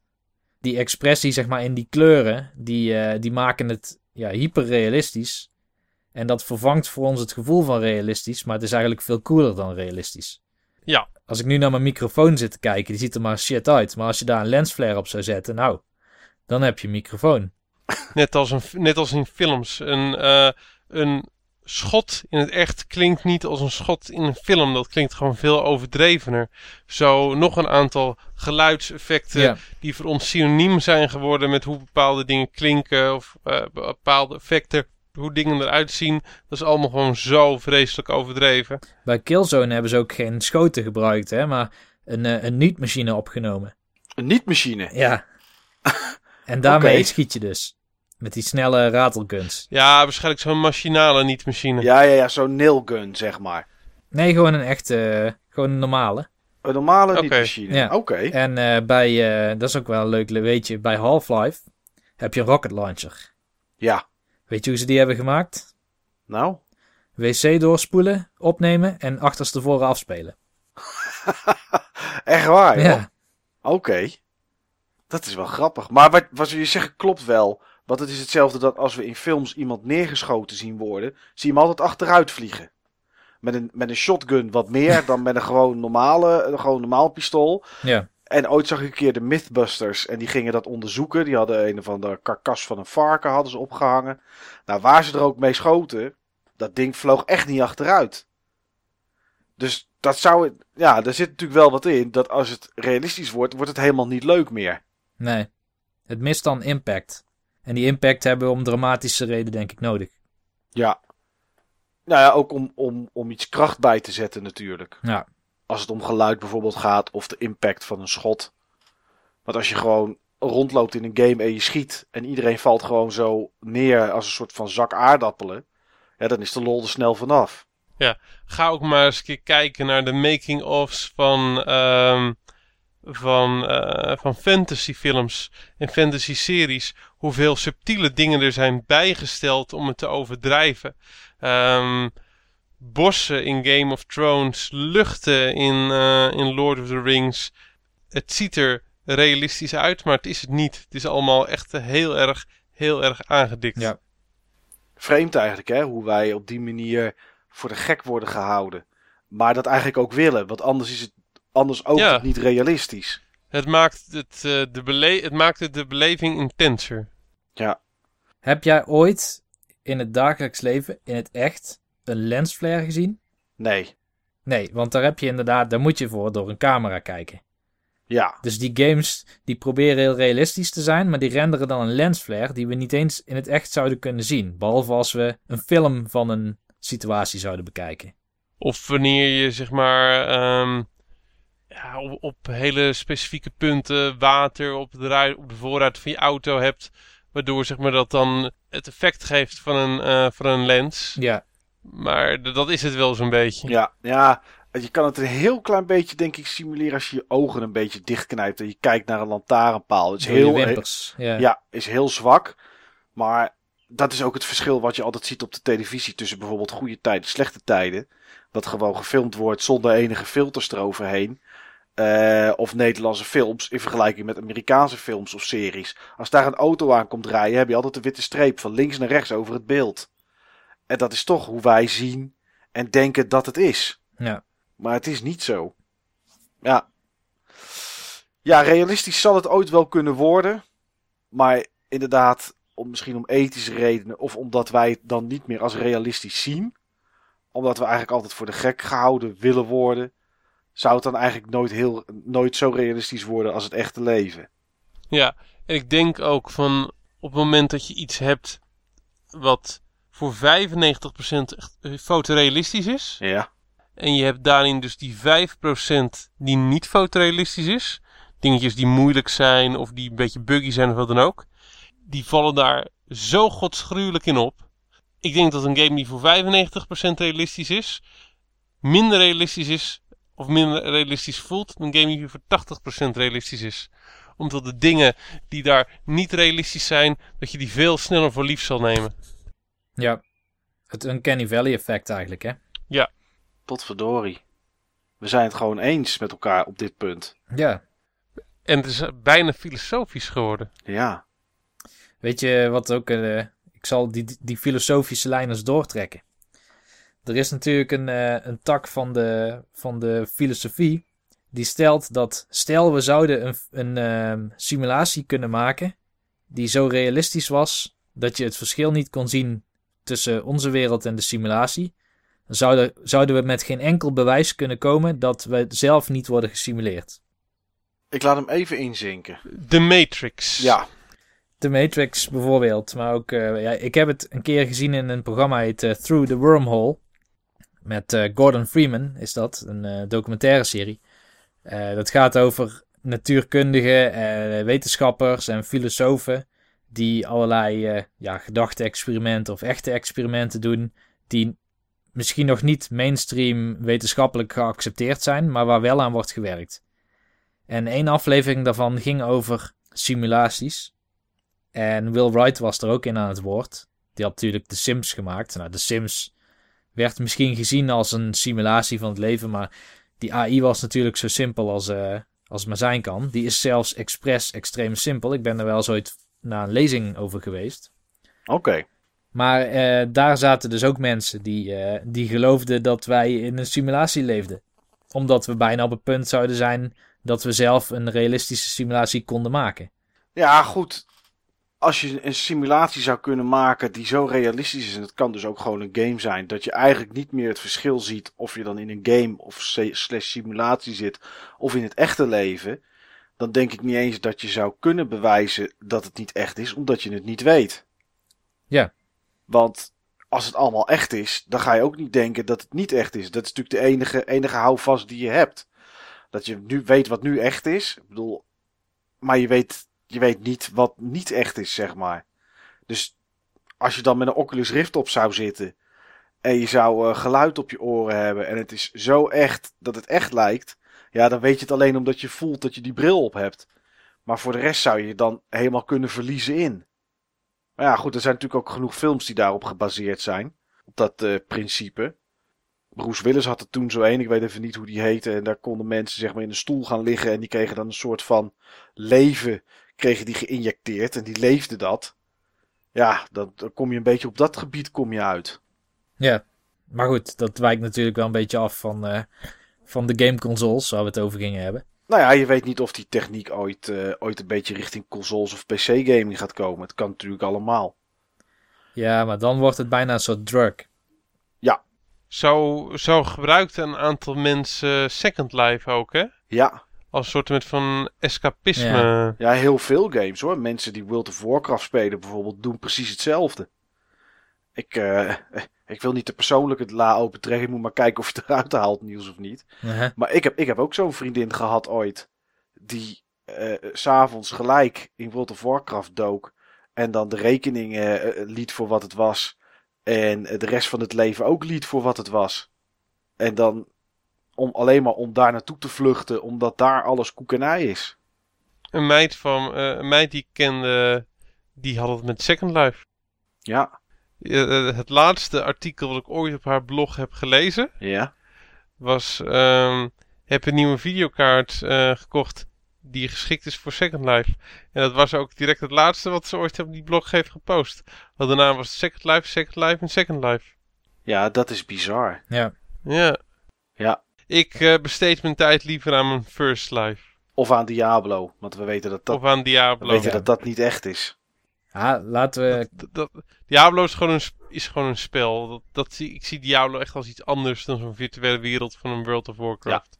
Het, eh, Je speelt er met drie personen en eh, het is gewoon een game. Ja, het probleem is ook niet exclusief eh, aan games of zo. Hè? Ik bedoel, je hebt genoeg mensen en die zijn iemand op Facebook. En die persoon die ze daar zijn, zijn ze meer en vaker en beleven ze echter dan degene die ze echt zijn.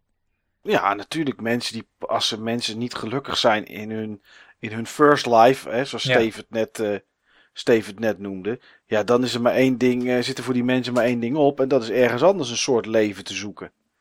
Nou ja, goed, dat kan natuurlijk in alles zijn. Kan, en dan ook in games. Ik ben eigenlijk we- wel benieuwd, jongens, naar iets wat voor mijn gevoel niet zo heel erg met de tijd meegaat. En dat wel een belangrijk onderdeel is, eh, zijn wij eh, al eh, menig podcast van mening. En dat is geluid. Het begon natuurlijk ooit als, als mono. Daarna kregen we stereo. Dolby Pro Logic kregen we dan nog. Hè? Twee kanalen of twee speakers achter, maar één kanaal. Daarna kregen we Dolby Digital. Tegenwoordig hebben we DTS, dat in games zit.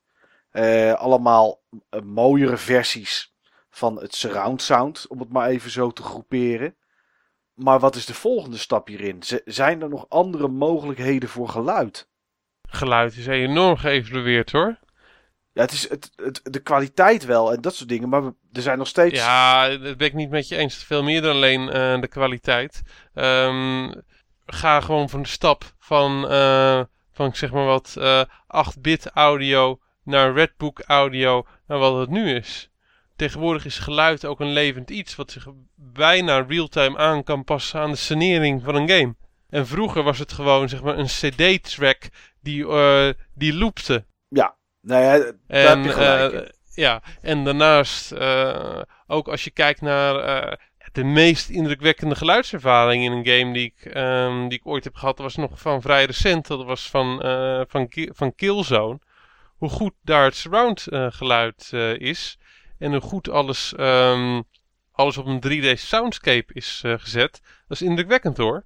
En dat is nog niet iets wat ik, vrij, wat ik eh, eerder vaak er- eerder gehoord heb.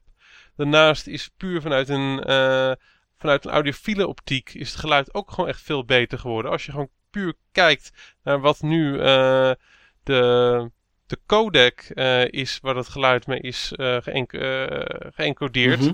dat, dat zijn gewoon echt bizar goede codecs. Dat zijn codecs die beter zijn dan, dan CD-codecs. Ja, Geluid is tegenwoordig echt volledig ongecomprimeerd. ja, dat klopt. En dat is, dat, En op een goede set merk je dat hoor. nou ja, dat is een beetje, dat is een beetje waar, ik, waar, ik, waar ik tegenaan hik.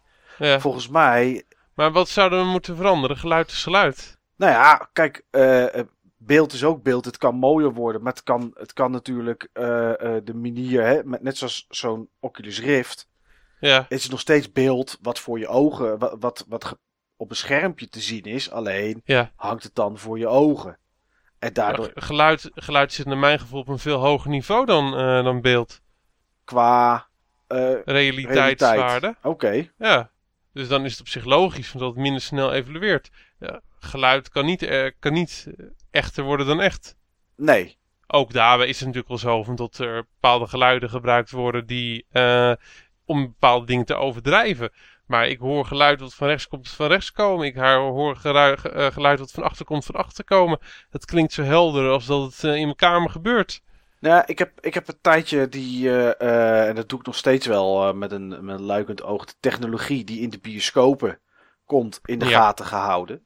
Ja. En nou ja, goed, tegenwoordig hebben we natuurlijk THX gehad en, en dat soort grappen. Want THX was vooral meer, meer speakers en, en ook boven je en dat soort dingen.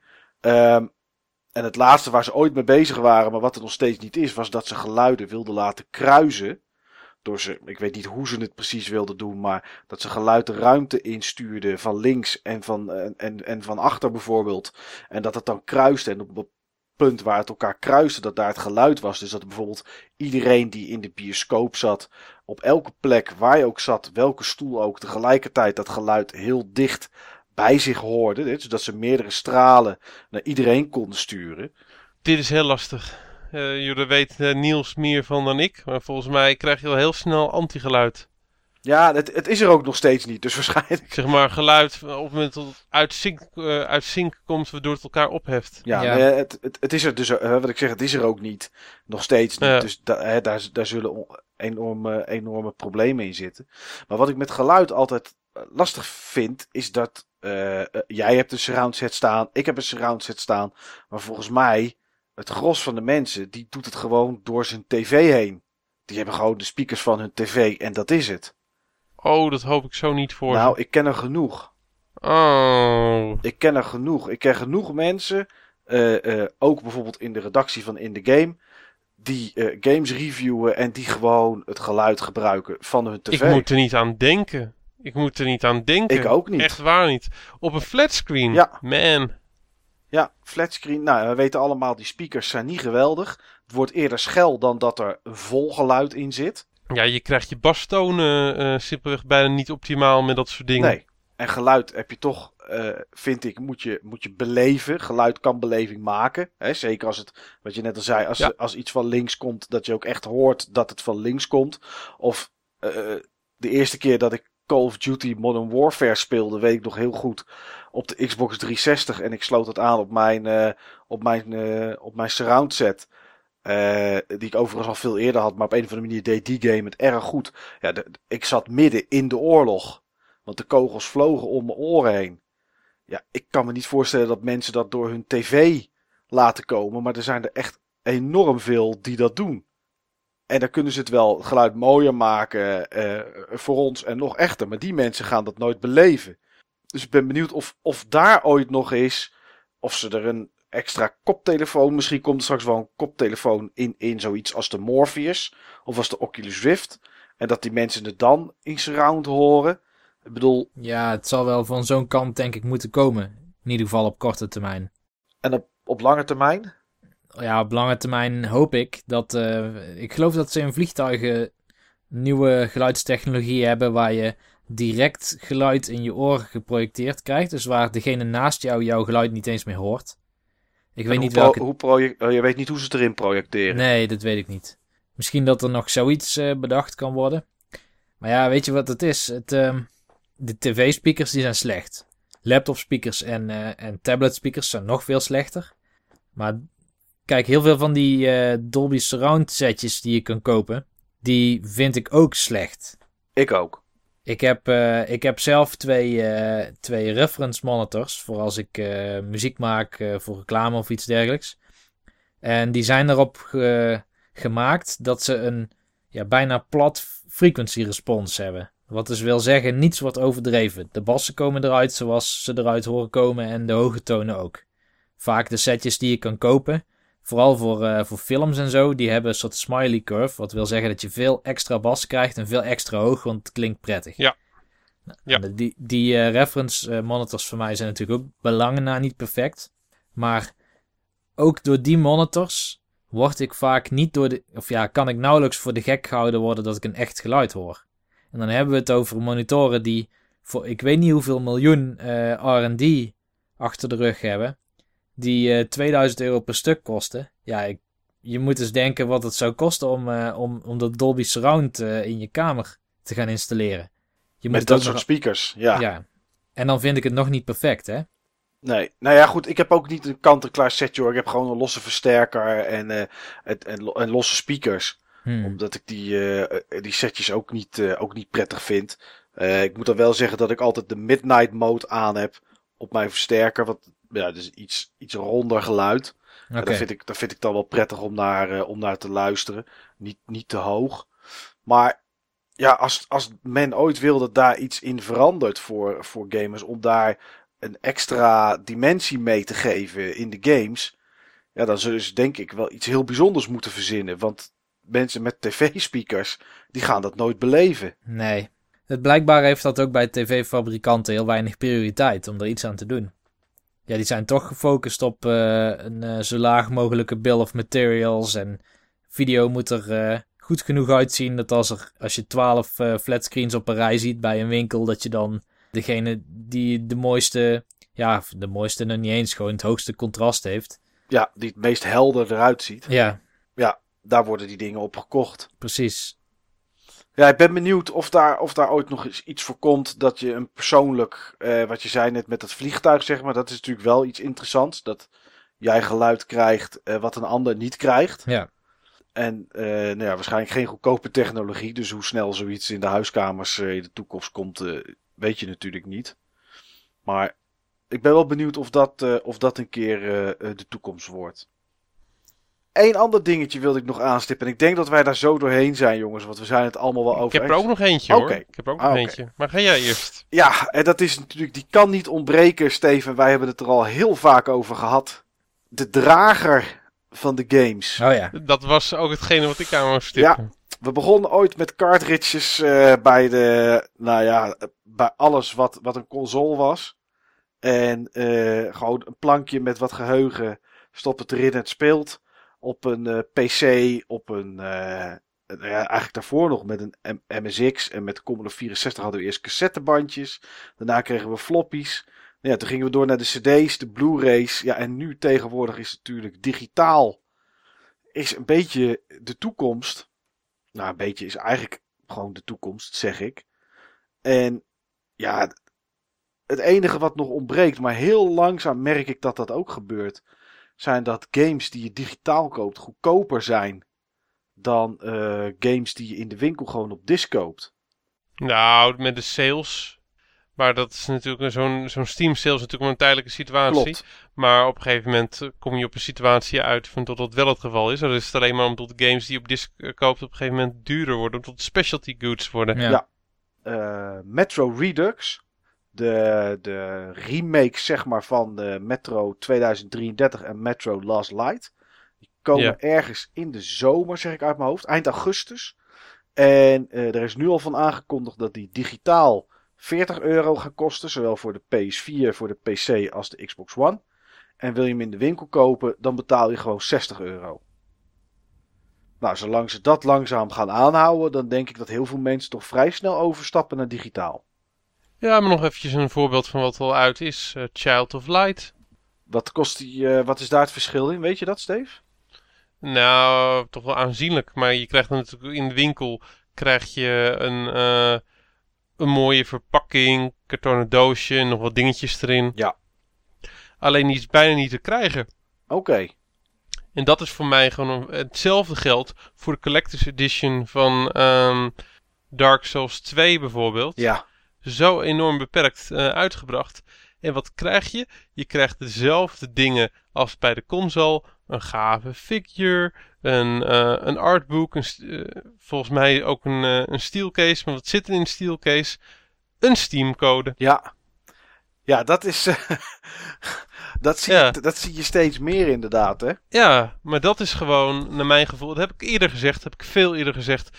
Dat wordt de manier hoe, hoe games fysiek zullen worden eh, gebracht. Eh, als een niche product voor de verzamelaarsmarkt. Eh, een soort met collector's edition, allemaal gave shizzle erin. Maar hoe zit de game erin? Geen diskje meer, een code. Ja. Je ziet het eh, trouwens in Japan schijnbaar heel veel. Dat je in de winkel ja, gewoon mooie download cards koopt. Om het dan thuis te gaan downloaden. Ja, ik, ik maak daar ook liever gebruik van. Ik had bijvoorbeeld laatst. Ik weet even niet welke game het was. Er was geloof ik drie DVD's. En er zat ook een code in. Nou ja, die drie DVD's die ik moet wisselen en moet installeren, duurt mij gewoon veel langer ook. Ja. dan het downloaden. Ik bedoel, mijn, mijn internetsnelheid is van de week geüpdate door Ziggo naar 180 mbit. Ik download van Steam met 20 tot 21 MB per seconde. Ja, er is geen disk die dat bij gaat houden. Zeker niet met wisselen en met uitpakken wat het moet doen als het op die disk staat. Klopt. Nee, en Klopt. voor hetzelfde geld eh, moet je dan nog drie updates eh, downloaden daarna. Nadat je die discs hebt geïnstalleerd. Ja. Dus doe dan maar meteen digitaal. Ja, dan ben je in één keer ben je bij en je- je klikt het aan of je vult die code in en je loopt weg. Met de Xbox One kan je zelfs eh, een QR-code kan je voor het beeld houden. Of voor je, voor, je, eh, voor je Kinect. Dan scant hij de QR-code in, dan gaat hij het automatisch voor je downloaden. Hoef je voor de rest niks meer te doen, niks in te vullen. Ja, dat is toch wel een stuk beter. Straks koop je gewoon met je mobiel koop je een game ergens online. Goedkoop in de uitverkoop. En die hou je voor je Kinect. En hij scant hem in en hij installeert hem. Ja. Ja, dat lijkt mij dat, dat het niet anders gaat worden dan dat. dit is stap 1. Dit is stap 1. Maar naar mijn gevoel ehm, komt hier nog een, een stap na op vrij korte termijn. En dat is Games as a Service. Is naar mijn gevoel onoverkomelijk. Die is... eh, Net, zo, net zoals muziek, net zoals eh, als, eh, als film en, eh, en video. Ja. Op, op dit moment kan, kan er 5% naast zitten. Maar 40% van het internetverkeer in Amerika is Netflix Ja. Ja, Netflix en Hulu volgens mij. Die twee. en ja. Hulu. En Hulu. Netflix en Hulu. Is streaming, eh, streaming video. eh, nog niet eens via YouTube, maar gewoon streaming video van series en films. Ehm, Spotify, inmiddels zeer geaccepteerd op de zaak, gebruikt iedereen het bij mij. Ehm, Tegenwoordig ook gratis. Ik wist het niet eens, maar het is gewoon gratis. Kan je alles beluisteren. Alleen als je het offline wil hebben, geloof ik. En als je nummers wil shuffelen of zo, dan, dan moet je het kopen. Maar voor de rest is het gratis. En ehm, Netflix vind ik gewoon echt een heel goed voorbeeld. Ook hoe snel het groeit in Nederland. Ehm, hoe, hoe mensen dat ook waarderen. De grote klacht die ik hoor is dan eh, rond aanbod. Dat aanbod nog niet zo goed is als in Amerika. Maar ik zie het aanbod van Netflix in Amerika, in, in Nederland, heel snel toenemen. Omdat het zo'n succes is. Ik denk dat het met games ook gaat eh, gebeuren. Alles wat gestreamd kan worden, zal gestreamd gaan worden. En met games is het veel complexer. Want bij muziek en, eh, en film en video weet je gewoon dat staat vast. Dat is altijd hetzelfde. Het is voorspelbaar wat er naar je toe gestreamd moet, eh, moet worden. Games, dat is tweewegverkeer. Ja. Continu eh tweewegverkeer vraagt continue processing. Ehm, maar het zal gebeuren. En naarmate internetverbindingen sneller worden, servers eh, krachtiger. Ja, het, het zal gewoon die kant op, eh, op gaan. Eh, het, is, het, het slagen van. ehm, hoe, hoe heet die PlayStation-dienst? PlayStation Now. PlayStation Now, het slagen van PlayStation Now zal een hele goede testcase zijn. Ja, ik heb daar van de week heb ik daar een filmpje van gezien. Iemand die had een beta daarvan. En die had een stukje gefilmd en die ging Sniper Elite 2 ging die spelen. Op zijn PlayStation 4 startte PlayStation Now op. eh koos de game die die, die die wilde spelen. Nou, er werd een heel klein stukje werd er, eh, werd er even volgens mij op zijn harddisk gezet. Daarna zag je het telletje aflopen, liep van 10 naar 0. En op dat moment zat hij in de game. Nou, binnen een seconde of 15 of 20 zat hij in de game. Hij had 100 mbit internet, down en up. Het was nog enorm laggy. Maar goed, dat, dat is de technologie. Die moet natuurlijk verbeteren. En de manier waarop het naar je toe gestreamd wordt. En dat soort dingen. Maar het werkt.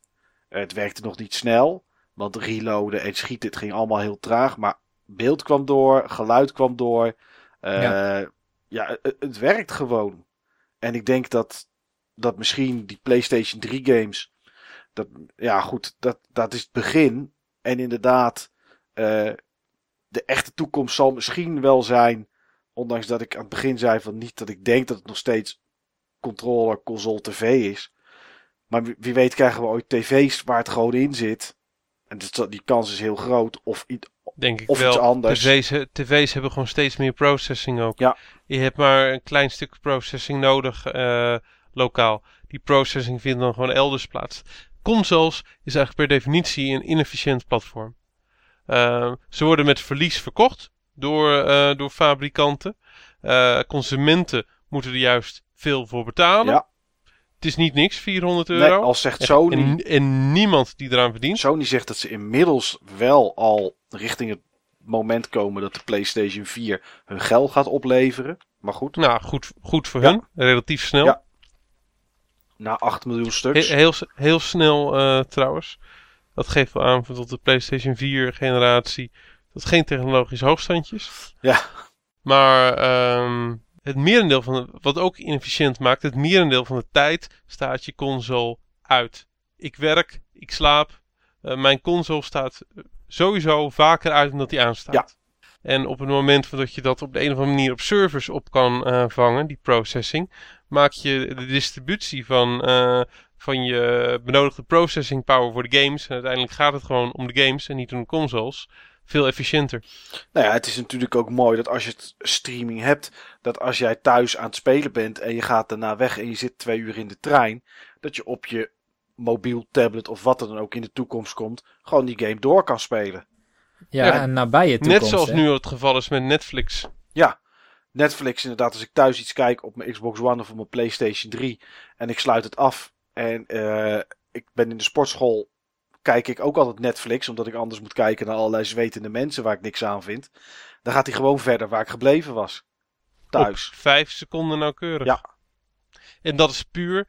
Dus ik zou bij wijze van spreken op een seconde nauwkeurig kunnen doen. Ze zetten hem iets terug zodat je nog weet waar je gebleven Ja, was. dat je de vorige zin die gezegd is, dat je dat nog even ziet. Of de vorige Ja. ontploffing. Dat klopt. Ja. Ja. Maar ehm, PlayStation Now in de roadmap staat ook dat die op tablets en televisies en eh set-top boxes komt. Dus Ja. het is sowieso niet de bedoeling dat het bij de consoles blijft, maar eh, ze proberen die service echt door te trekken naar allerlei apparaten.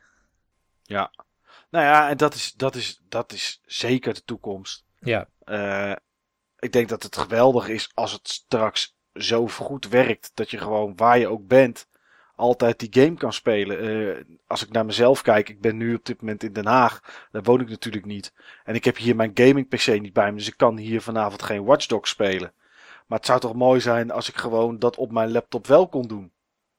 En, St- en Ja. Steam heeft inmiddels ook al een klein beetje zoiets. Steam heeft in-house streaming. Als jij beneden je gaming PC hebt staan. En je gaat bijvoorbeeld boven zitten op een zakelijke PC. En je installeert daar, je installeert daar Steam. Dan connect die naar jouw PC beneden.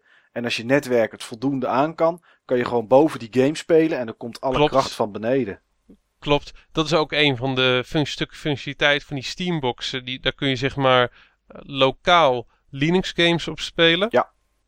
En ehm, alles wat je per se op een PC eh, eh, moet spelen. Of waarbij zo'n Steambox niet voldoende genoeg processing power heeft. Dat kun je inderdaad streamen vanaf, vanaf je echte PC. Ja. ja.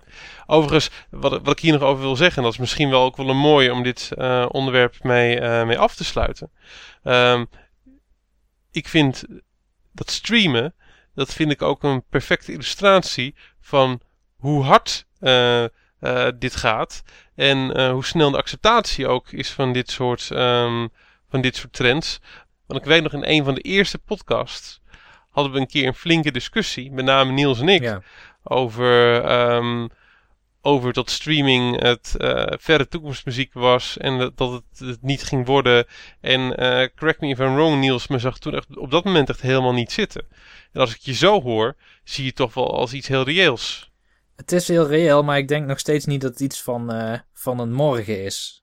Dat, eh, zelfs dat PlayStation Now zal in eerste instantie, denk ik, net als eh, VR met de Oculus, nog niet de wasdom zijn die we allemaal hoopten dat die zou zijn. Maar wat wel is, Steve, dat, dat eh, wil ik dan wel op aanvullen. Wat relatief nieuw is, en misschien wel komt door services als Netflix en mijn ervaring daarmee, is het juist dat ik niet kan wachten op dat gaming een service is.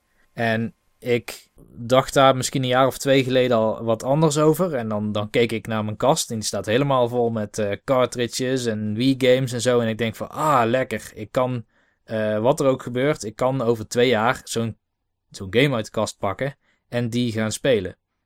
Het ding is echter dat als ik nu zou kunnen kiezen tussen een Netflix-model, betaal 8 euro, speel alles wat je wilt, eh, wanneer het jou uitkomt, Op elk op apparaat. elk apparaat, waar je maar wilt. Dat spreekt mij zoveel meer aan. Alleen al door het opnemen van deze podcast bijvoorbeeld probeer ik vaak verschillende games te spelen. Maar ja, ga alles maar eens kopen wat eruit komt. Ja, dat is, dat is gekke werk af en toe. Ja, precies. En soms koop je iets en dan kom je erachter dat dat eigenlijk toch niet iets voor je was. En ik zet dan door vaak om het uit te spelen. Om weet ik veel wat voor reden dan ook. Maar als je gewoon lekker kon samplen, dat je denkt van, oh, ik ben wel geïnteresseerd, ik noem maar wat, dat Drive Club wat ik noemde. Ik vind Drive Club een interessante game. Ik zou hem nu denk ik niet hoeven, maar ik zou hem wel willen proberen. Misschien is het toch wel iets. Ja. Ik ben toch benieuwd genoeg, maar ik ben net niet benieuwd genoeg om hem te kopen, snap je? Terwijl als hij gestreamd zou kunnen worden en ik had een abonnement, dan ging ik hem zeker proberen. En misschien kocht ik hem daardoor juist. Nou ja, het is hetzelfde met eh, PlayStation Plus. Daar heb ik zoveel games van gedownload die ik eigenlijk nooit had gekocht, maar toch even een uurtje heb gespeeld om te proberen.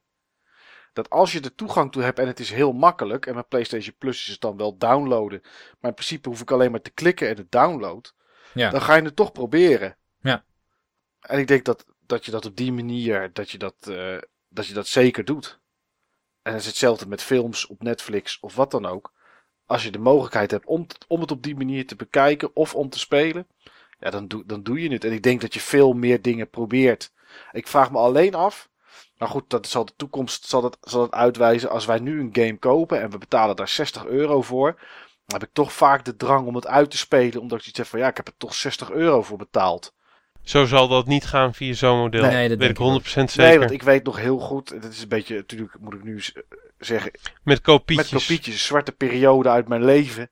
Toen had ik eh, misschien eh, 500, 600 PlayStation 1 games. Ik speelde niks. Ik idem dito. Ik had er dan niet 500, 600. Ik had er misschien tussen de 20 en 30. Maar ik had ze in zo'n korte periode eh, bij elkaar eh, geveegd. Het was gewoon niet leuk. Nee. En ik denk dat als je dan zo'n service start, wat, dat filmpje wat ik zag van die jongen die de beta had, die had daar beschikking over 16 games.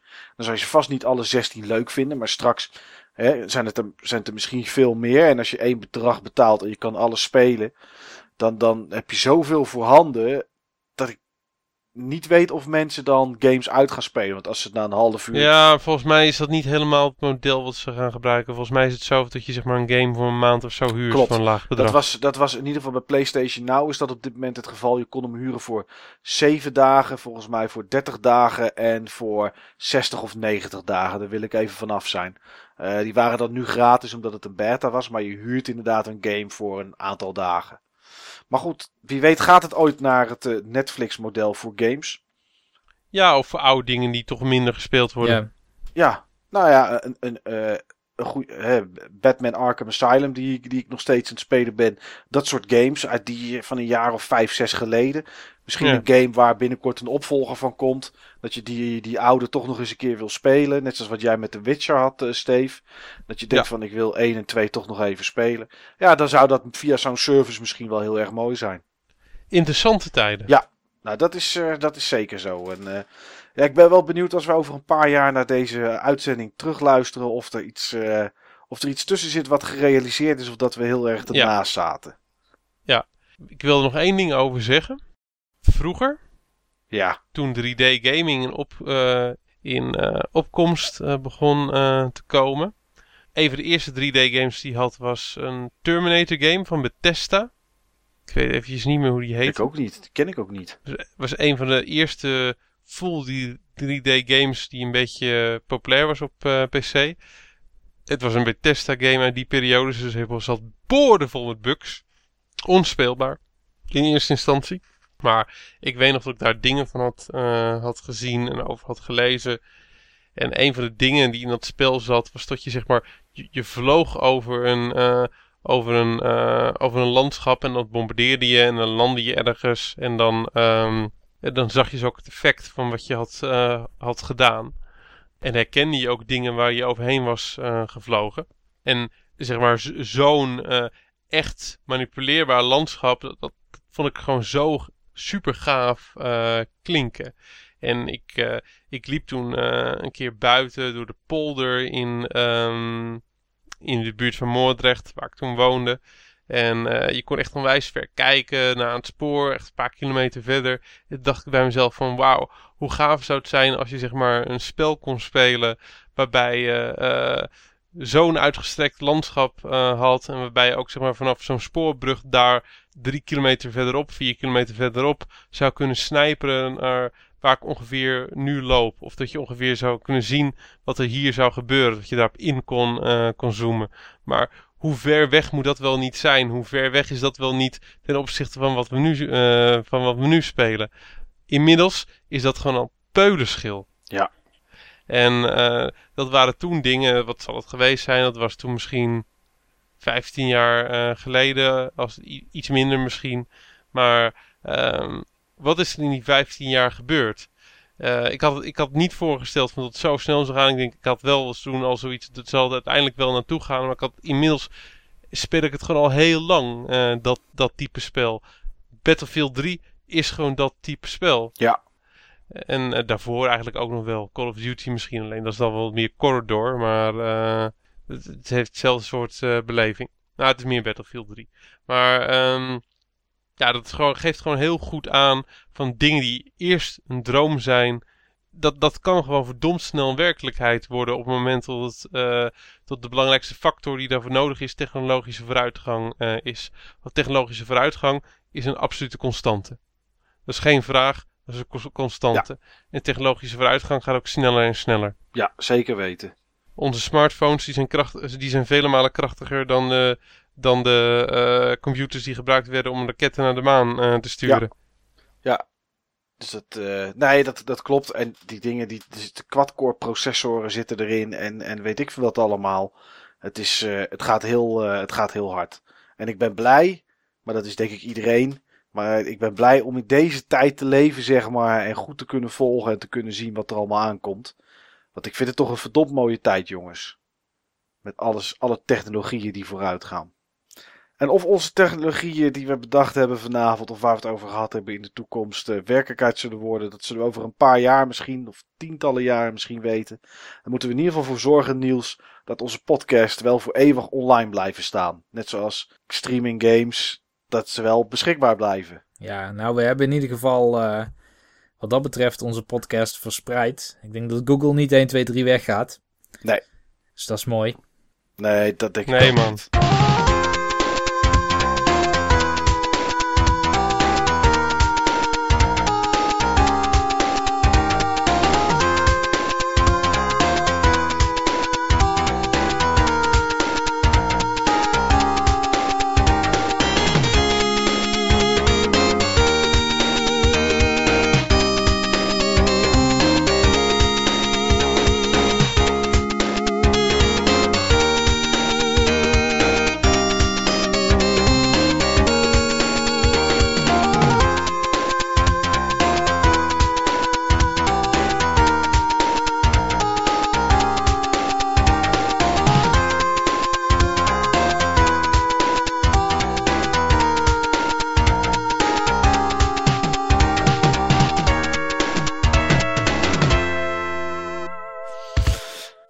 Zover eh, onze gedachtes en onze gedachtegangen.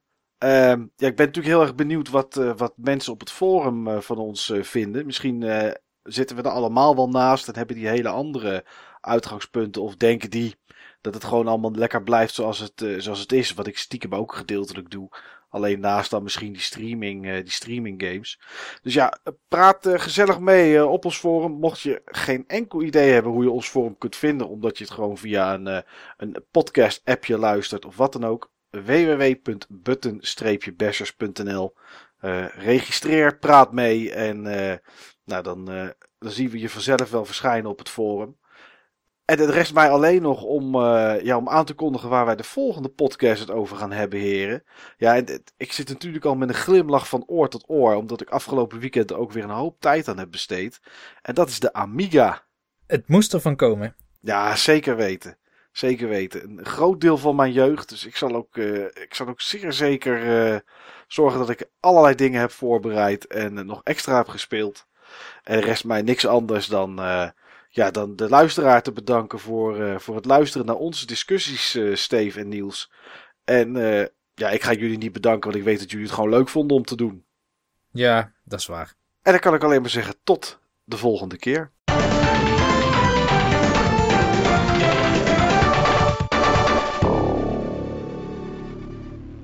Mannen, wij spelen al geruim heel veel jaren games. En we hebben eigenlijk ook wel alles voorbij zien komen. En dus zien we ook de evaluatie van de games.